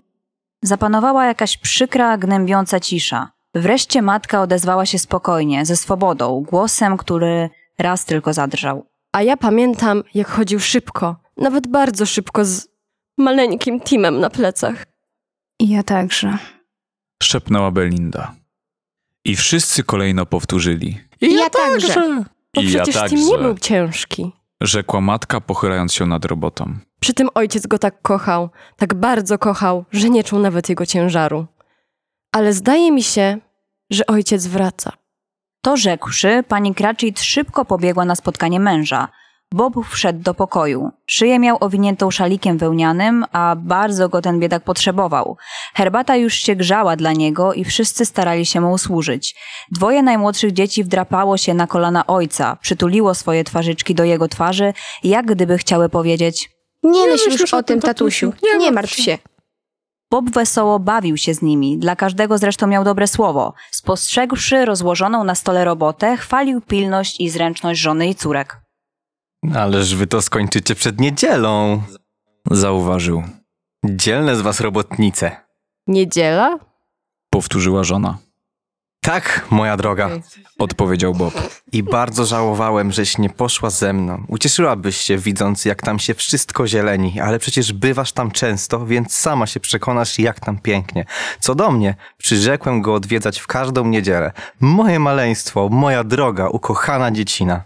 Przy tych słowach Bob się rozpłakał. Tak kochał małego Tima, że na jego wspomnienie nie mógł powstrzymać się od łez. Wstał i poszedł do pokoju na górze, oświetlonego i przyozdobionego zielenią jak na dzień wigilijny. Przy łóżeczku dziecka stało krzesełko i znać było, że niedawno jeszcze ktoś na nim siedział. Teraz Bob na nim usiadł i puścił wodze myślom bolesnym. Kiedy się uspokoił, ucałował łóżeczko, twarz jego przybrała wyraz spokojny, człowieka pogodzonego z ciężkim ciosem. Westchnął raz jeszcze i wrócił na dół, już w innym usposobieniu. Teraz wszyscy usiedli dookoła kominka i zaczęli gwarzyć serdecznie. Matka i córki wciąż przy tym pracowały. Bob z ożywieniem opowiadał o szczególnej życzliwości, jaką mu okazał siostrzeniec Scrooge'a, którego spotkał na ulicy. Widział go tylko jeden raz i to przelotnie. Tymczasem dziś, gdy się spotkali, siostrzeniec Scrooge'a przywitał go serdecznie, a zauważywszy, że Bob ma niezwykły wyraz twarzy, zapytał go, czy mu się nie przytrafiło co złego. Oczywiście, mówił Bob. Nie mogłem ukryć tego przed nim. To taki miły, dobry człowiek. Czy uwierzysz, droga żono, że bardzo go to obeszło? Powiedział mi. Szczerze panu współczuję, panie Cratchit, i proszę oświadczyć również moje serdeczne ubolewania zacnej małżonce. Nawiasem mówiąc, nie pojmuję, skąd on wie o tym? O czym, mój drogi? Żeś ty zacna i dobra kobieta. Wszyscy o tym wiedzą. Zawołała najstarsza córka małżeństwa. Dobrze powiedziane, skarbie. Pochwalił ją ojciec. Mam nadzieję, że tak jest istotnie, a nawet jestem o tym przekonany. Szczerze wam obojku współczuję, moje państwo. Powtórzył siostrzeniec Scrooge'a i dając mi swój bilet nadmienił. Oto mój bilet. Może będę mógł być panu w czymkolwiek użyteczny. Proszę, zwróć się pan do mnie z całą otwartością. Byłem wprost oczarowany. Nie jego propozycją, nie myślą o tym, że może nam istotnie dopomóc, lecz jego uprzejmością. Wielce mnie tym ujął. Mógłby kto pomyśleć, że znał naszego małego Tima i że żałuje go na równi z nami. Jestem pewna, że ma dobre serce. Rzekła pani Cratchit. Upewniłabyś się jeszcze więcej, gdybyś go widziała i mówiła z nim tak jak ja. Podchwycił Bob. Wcale bym się nie dziwił. Uważajcie, co powiem. Gdyby Piotr, naszej Belindy, przy jego poparciu otrzymał lepsze miejsce. Słyszysz, Belindo? Rzekła pani Cratchit. A wtedy Zawołała Marta. Piotr się z tobą ożeni i zamieszkacie u siebie. Co ty wygadujesz? Mruknęła bleniem. Oczy jej jednak zdradzały, że myśl zamieszkania z ukochanym się jej uśmiechała. Miłość to piękna rzecz. Gdyby nie ona, nie byłoby nas tutaj. Nie należy wstydzić się własnych uczuć, gdy przynoszą nam szczęście. Odparła pani Cratchit. Ale czy jest jeszcze miejsce na szczęście w naszym domu? Po tym wszystkim, co nas spotkało? Czy sprawiedliwym byłoby, gdyby moje serce spotkało szczęście, którego mały Tim nigdy nie zazna, a w moim udziału mieć nie będzie? Spytała z przejęciem Belinda. Nie ma w tym nic złego. On chciałby, żebyś była szczęśliwa. Rzekł Bob. Chociaż, mówiąc prawdę, masz jeszcze dosyć na to czasu, moja droga, lecz jeżeli kiedykolwiek przyjdzie nam się rozstać z sobą, jestem przekonany, że żadne z nas nie zapomni małego Tima. Prawda, że wszyscy będziemy zawsze pamiętali to pierwsze rozstanie. Zawsze ojcze! Zawsze Odpowiedzieli ojcze. wszyscy. Wiem o tym, moi drodzy. Ciągnął Bob. Jak również i o tym, że pamiętając, jak on był dobry, kochający, cierpliwy i łagodny, chociaż tak mały, tak maleńki, nigdy żadna waśń nie wyniknie wśród nas, gdyż inaczej nie moglibyśmy o nim pamiętać. Z pewnością ojcze! Znów odpowiedzieli wszyscy. Dziękuję wam. Rzekł Bob. Jestem wśród was bardzo, bardzo szczęśliwy. Pani Cratchit ucałowała go, potem ucałowały go starsze córki, z kolei dwoje najmłodszych dzieci uczyniło to samo, wreszcie Piotr uścisnął jego rękę. Nad tą zacną rodziną unosił się jak błogosławieństwo Boże duch maleńkiego Tima. Duchu, Odezwał się Scrooge. coś mi mówi, że się chwila naszego rozstania zbliża.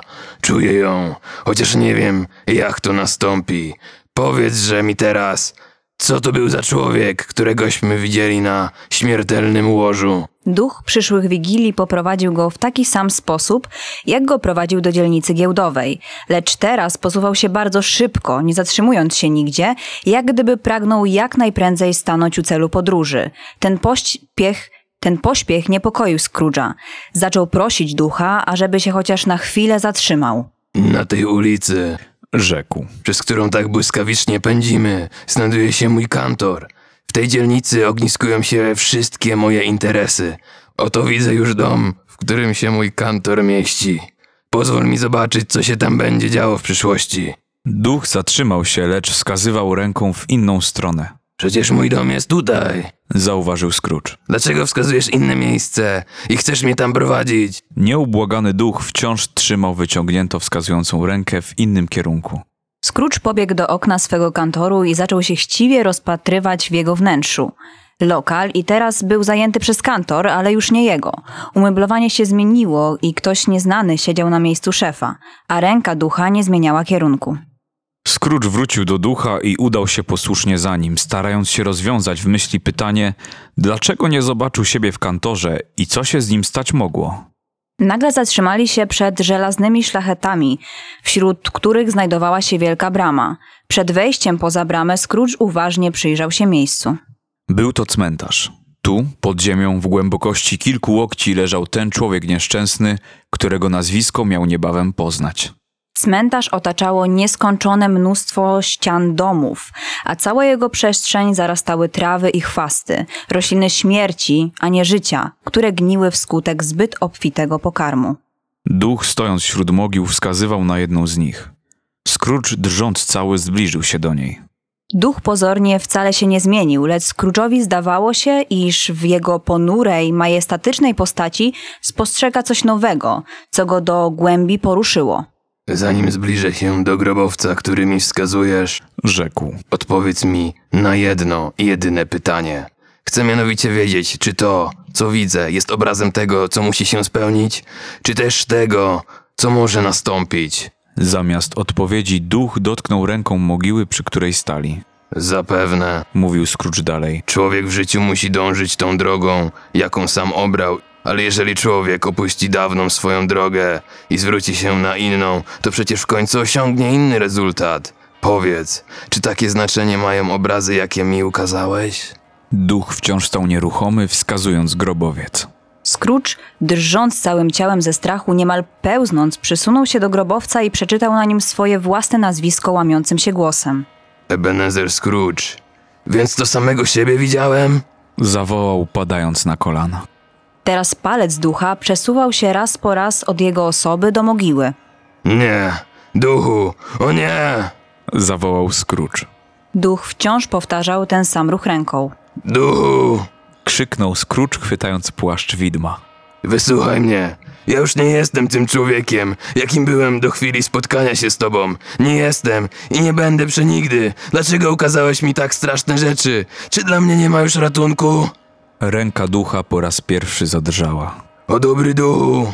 Błagał Scrooge, leżąc u stóp widma z twarzą zwróconą do ziemi. Zmiłuj się nade mną, ratuj mnie. Powiedz, że zmieniając życie, mogę jeszcze zmienić obrazy, jakie mi ukazałeś. Teraz ręka widma poruszyła się jakby przytakująco. Odtąd z całej duszy będę czcił święta Bożego Narodzenia. Przyrzekał ze skruchą Scrooge. Rok będę tych dni oczekiwał, przygotowując się do nich po chrześcijańsku. Będę zawsze pamiętał o przeszłości, teraźniejszości i przyszłości. Wszystkie trzy duchy, które mnie nawiedziły, żyć będą we mnie, gdyż nie zapomnę otrzymanych od nich nauk. O duchu, powiedz, że mogę zetrzeć napis z tego grobowca. Z rozpaczą chwycił dłoń ducha.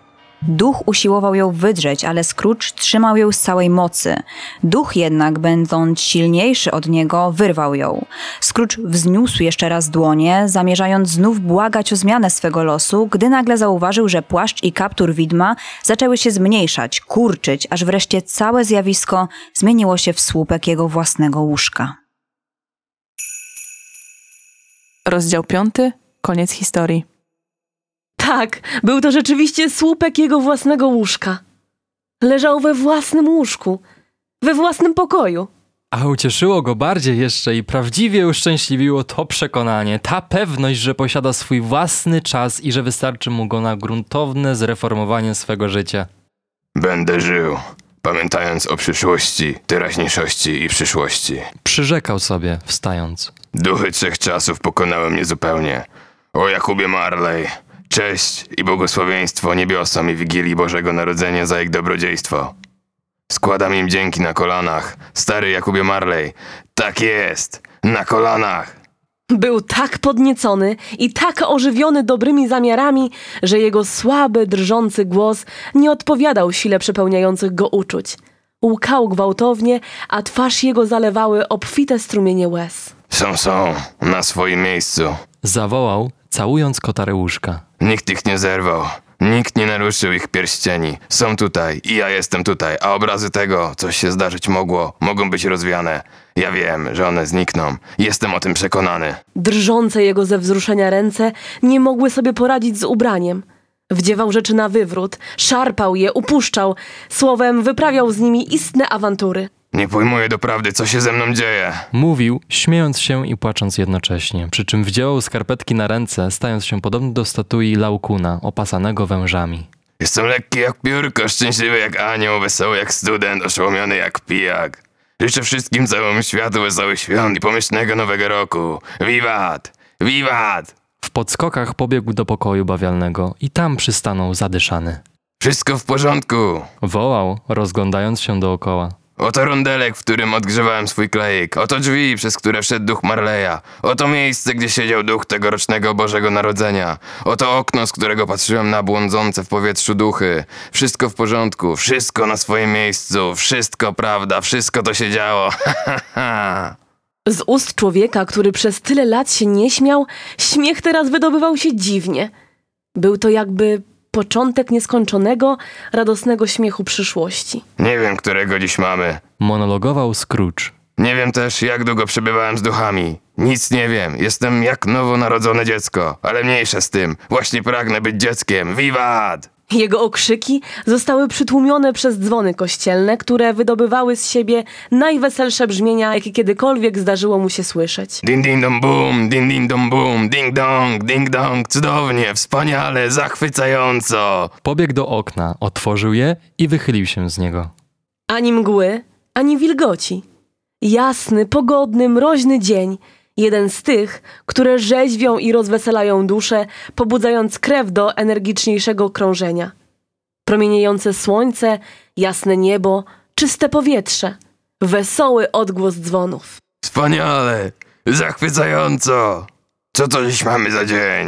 Zapytał przez okno małego chłopca w oświętnym ubraniu, który zatrzymał się przed oknem, może dlatego, żeby się Scrooge'owi przypatrzeć. Co? Mruknął chłopiec mocno zdziwiony. Pytam, jaki dzisiaj dzień mamy, mój chłopaczku. Powtórzył Scrooge. Dzisiaj? Oczywiście, że Boże Narodzenie. Odparł chłopiec. Boże Narodzenie? Szepnął Scrooge. Więc go nie straciłem. Duchy dokonały wszystkiego w ciągu jednej nocy. Rozumie się, że mogą one robić wszystko, co im się żywnie podoba. Kto by o tym śmiał wątpić? Wiadomo, że są wszechwładne. Hej! Pójdź tu bliżej, miły chłopaczku.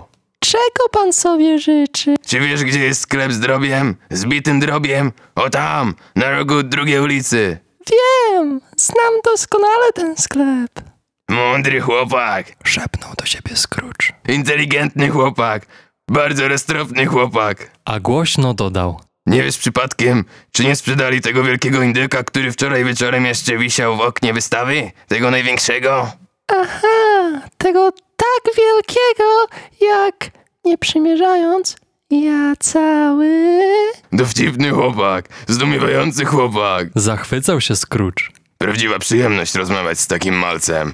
Tak, tak, ten sam. Wisi tam jeszcze. Czy być może? Zawołał Scrooge uradowany. A więc biegnij i kup go. Pan sobie ze mnie żartuje. Wzruszył ramionami chłopiec. Ależ nie, wcale nie żartuję. Zapewniał Scrooge. Mówię najzupełniej serio. Idź, kup tego indyka i każ go przynieść tutaj, a ja wskażę, komu go należy doręczyć. Wróć tu ze służącym sklepowym, dostaniesz za to szylinga. Jeżeli się załatwisz prędzej i wrócisz za pół godziny, to dostaniesz całą koronę. Chłopiec pomknął jak kula.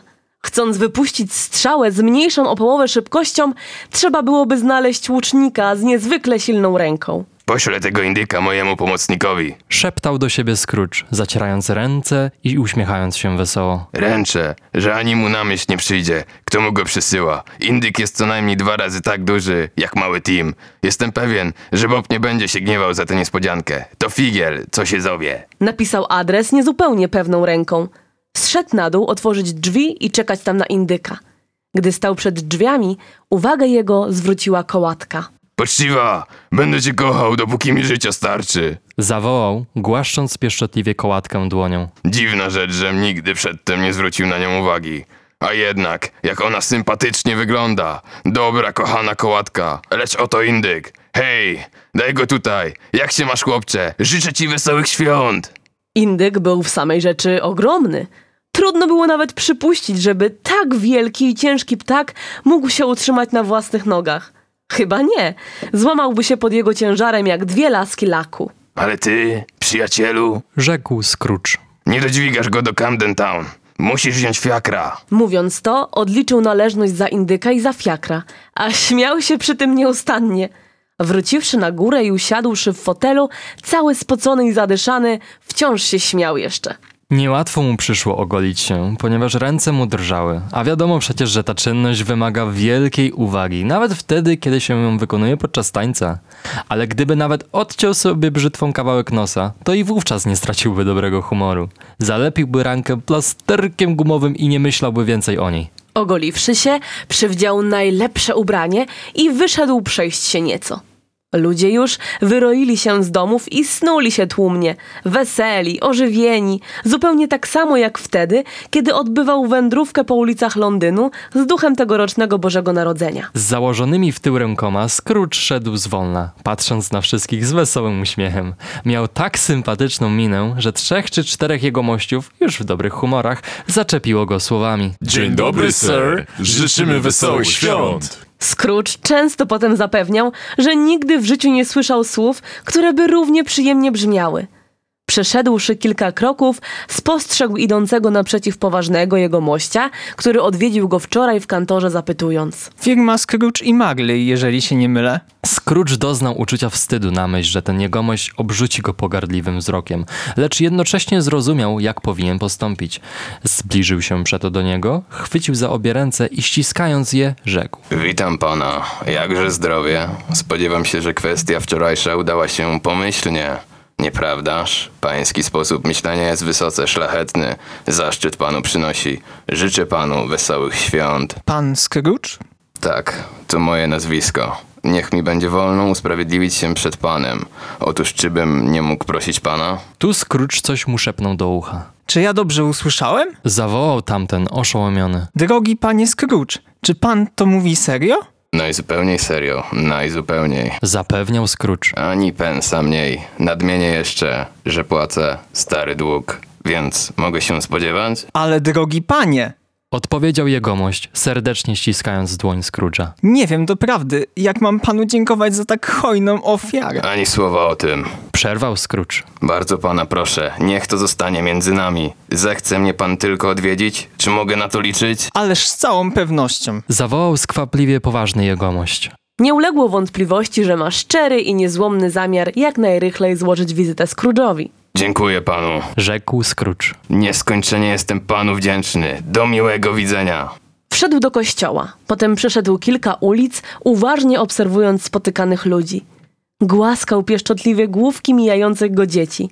Wypytywał i obdarzał żebraków, zaglądał do suteren i w okna mieszkań parterowych. Wszystko mu się nadzwyczajnie podobało. Nigdy nie przypuszczał, żeby zwykła przechadzka mogła dostarczyć tyle przyjemności. Po południu skierował się ku dzielnicy, w której mieszkał jego siostrzeniec. Kilkanaście razy przeszedł przed domem, zanim odważył się wejść do sieni i zapukać do drzwi. Czy pan w domu, moje dziecko? Zapytał służącą, młodą i ładną dziewczynę. W domu, panie. Gdzie jest? W jadalni razem z panią. Niech pan pozwoli. Zaprowadzę. Dziękuję ci pięknie, dziecko. Sam pójdę. Pan twój zna mnie dobrze. To rzekłszy, Scrooge zbliżył się do jadalni. Ostrożnie nacisnął klamkę i wsunął głowę przez uchylone drzwi. W tej chwili właśnie odbywał się tam przegląd świątecznie zastawionego stołu. Małżonkowie dokonywali tej czynności bardzo skrupulatnie, jak przystoi na młodą parę, która jest zwykle na tym punkcie bardzo drażliwa i pragnęłaby pod tym względem stać ponad wszelką krytyką. Szepnął Scrooge. Kto tam? Krzyknął Fred. Któż uboga? To ja, twój wuj, Scrooge. Przychodzę zjeść z wami obiad. Czy mogę wejść? Czy może wejść? Także pytanie. Scrooge powinien był podziękować Bogu, że siostrzeniec z radości nie urwał mu ręki przy powitaniu. Po upływie dziesięciu minut Scrooge czuł się tutaj jak we własnym domu. Niepodobna sobie wyobrazić coś serdeczniejszego nad przyjęcie, jakiego doznał. Żona Freda nie dała się wyprzedzić mężowi, jak również Topper, owa mała, pulchna siostra żony Freda i zresztą wszyscy goście, którzy się kolejno zjawiali. Zachwycające było całe towarzystwo. Zachwycająco się bawili. Zachwycająca harmonia panowała w tym kółku. Szczęście! Prawdziwe szczęście! Nazajutrz jednak Scrooge udał się do kantoru. Wstał wcześnie. Wcześniej niż zwykle, gdyż pragnął koniecznie złapać Boba na spóźnieniu. Bardzo tego pragnął i udało mu się to. Miał tę przyjemność. Zegar wybił dziewiątą. Boba jeszcze nie było. Kwadrans po dziewiątej. Jeszcze go nie ma. Spóźnił się o całe osiemnaście i pół minuty. Scrooge otworzył szeroko drzwi do swego pokoju, aby widzieć, jak Cratchit będzie się przemykał do swej wyziębionej komórki. Bob już w sieni zdjął kapelusz i szalik, a otworzywszy drzwi w jednej chwili usiadł na swoim stołku i pióro jego zaczęło tak szybko biegać po papierze, jakby chciało dopędzić ubiegły czas. A to co? Burknął Scrooge, starając się swemu głosowi nadać ton jak najbardziej surowy. Jak można tak się opóźniać? Co pan sobie myśli? I istotnie winien jestem. Szepnął pokornie Cratchit. Bardzo pana przepraszam za spóźnienie. Spóźnienie? Burknął znów Scrooge. Ja sądzę, że to porządne spóźnienie. Proszę tu do mnie. Przecież zdarzyło się to tylko raz w ciągu całego roku. Usprawiedliwiał się Cratchit. Nie powtórzę się to więcej, zapewniam pana. Wczoraj zabawiłem się trochę. Wszystko to bardzo pięknie. Przerwał mu Scrooge. Muszę jednak oświadczyć panu, że wcale nie myślę dłużej znosić czegoś podobnego. Dlatego. Ciągnął dalej, zeskakując szybko z krzesła i dając Bobowi takiego kuksańca, że się aż zatoczył do swej komórki. Dlatego podwyższam panu pensję. Bob, przerażony, rzucił się do linii leżącej na kantorku. Miał zamiar, uzbroiwszy się w nią, schwycić Scrooge'a za kołnierz, zwołać ludzi z ulicy i przy ich pomocy wpakować pryncypała w kaftan bezpieczeństwa. Lecz do tego nie doszło. Życzę ci wesołych świąt, Robercie. Odezwał się Scrooge tak poważnie i tak serdecznie, że nie można było wątpić o szczerości jego słów. Tym bardziej, że jednocześnie poklepał Boba po ramieniu z poufalością dobrego przyjaciela. Z całego serca pragnę, aby święta tegoroczne wynagrodziły ci wszystkie święta dawne, któreś ze mną spędził. Tak jest. Robercie, podwyższam ci pensję i wszelkich starań dołożę, aby postawić na nogi twoją rodzinę, upadającą z przepracowania. Rozpatrzymy tę sprawę dzisiaj po południu, przy szklance gorącego grogu. A teraz, Robercie, rozpal porządny ogień na kominku i nie żałuj węgla. Scrooge zrobił więcej niż obiecał. Co zaś do maleńkiego Tima, który wcale nie umarł, Scrooge był odtąd dla niego drugim ojcem. Zmienił się zupełnie. Odtąd był tak dobrym przyjacielem, tak dobrym chlebodawcą, tak dobrym człowiekiem, jakimi bywali dobrzy ludzie za dobrych starych czasów, w dobrym starym kraju, w dobrym starym mieście, na dobrym starym świecie. Niektórzy szydzili z tej zmiany, lecz on nie zwracał wcale na to uwagi. Miał tyle rozumu, że wiedział, iż wszystko dobre na świecie zawsze jest przedmiotem szyderstwa ze strony pewnego rodzaju ludzi. Ponieważ tych ludzi należy uważać za ślepych, Scrooge sądził zatem, że lepiej, aby ich kalectwo ujawniało się w postaci zmarszczek dookoła oczu, wywołanych ustawicznym wyśmiewaniem się z bliźnich, niż w jakiej mniej przyjemnej postaci. Jego dusza była pełna pogody i wesela. To mu zupełnie wystarczało do szczęścia. Z duchami już więcej nie miał żadnych stosunków, natomiast pozawiązywał stosunki z ludźmi, podtrzymywał je usilnie, a całe jego życie toczyło się wśród dobrych uczynków. Jakoż mówiono potem o nim, że nikt tak przykładnie nie obchodzi świąt Bożego Narodzenia jak on. Życzymy Wam z całej duszy, Żeby tak samo o was mówiono, drodzy słuchacze, o nas i o wszystkich, a wtedy jak to pięknie powiedział maleńki Tim, Bóg będzie błogosławił wszystkim i każdemu z osobna. W słuchowisku wystąpili narrator rozdziału 1 i 4 Mikołaj Nowaczyk, narratorka rozdziału 1 i 4 Milena Mrozek, narratorka rozdziały 2 i 5 Kinga Wiśniewska, narrator rozdziały 2 i 5 Mateusz Grzegorczyk, narratorka rozdział 3 Olga Szygenda, narrator rozdział 3 Kacper Pelo, Ebenezer Scrooge Paweł Zawadziński, siostra Scrooge'a Ada Czarnota, Bob Cratchit Mikołaj Obała, pani Cratchit Patrycja Chodorowska, Belinda Cratchit Monika Heckert, Marta Cratchit Julia Kanas, mały Tim Kacper Kołat, siostrzeniec Fred Piotr Bojar, żona Freda Marcel Kędziora, Jakub Marley Karol Dobrasiewicz, duch świąt teraźniejszych Jakub Jacaszek, duszka świąt przeszłych Julia Sobierańska, dzieweczka Bella Julia Kaczmarek, mąż dzieweczki Edward Julian Kozanecki, bliźniak 1 oraz żona giełdziarza Ada Kondratowicz, jałmużnik 1 Mikołaj Piekarzewicz, jałmużnik 2 Dominik Pardiak, żona Sandra Glenda, mąż Piotr Nagoda, nauczycielka oraz żona giełdziarza Martyna Karaszkiewicz, bliźniak Paweł Adamczewski, Fezwik Klaudia Deja, posługaczka Ola Grzelak, statystka pani Wilber Nemezis Szczepaniak. Za realizację odpowiedzialni byli Antoni Schott, Anna Jóźwik, Eliza Heidenreich. Montaż Almeria Słodkowska, Adam Zawadzki, Adam Loch, Marek Błoch, Bartłomiej Sołtysek, Mateusz Sosnowski. Mix, mastering oraz oprawa dźwiękowa Maciej Przyłódzki.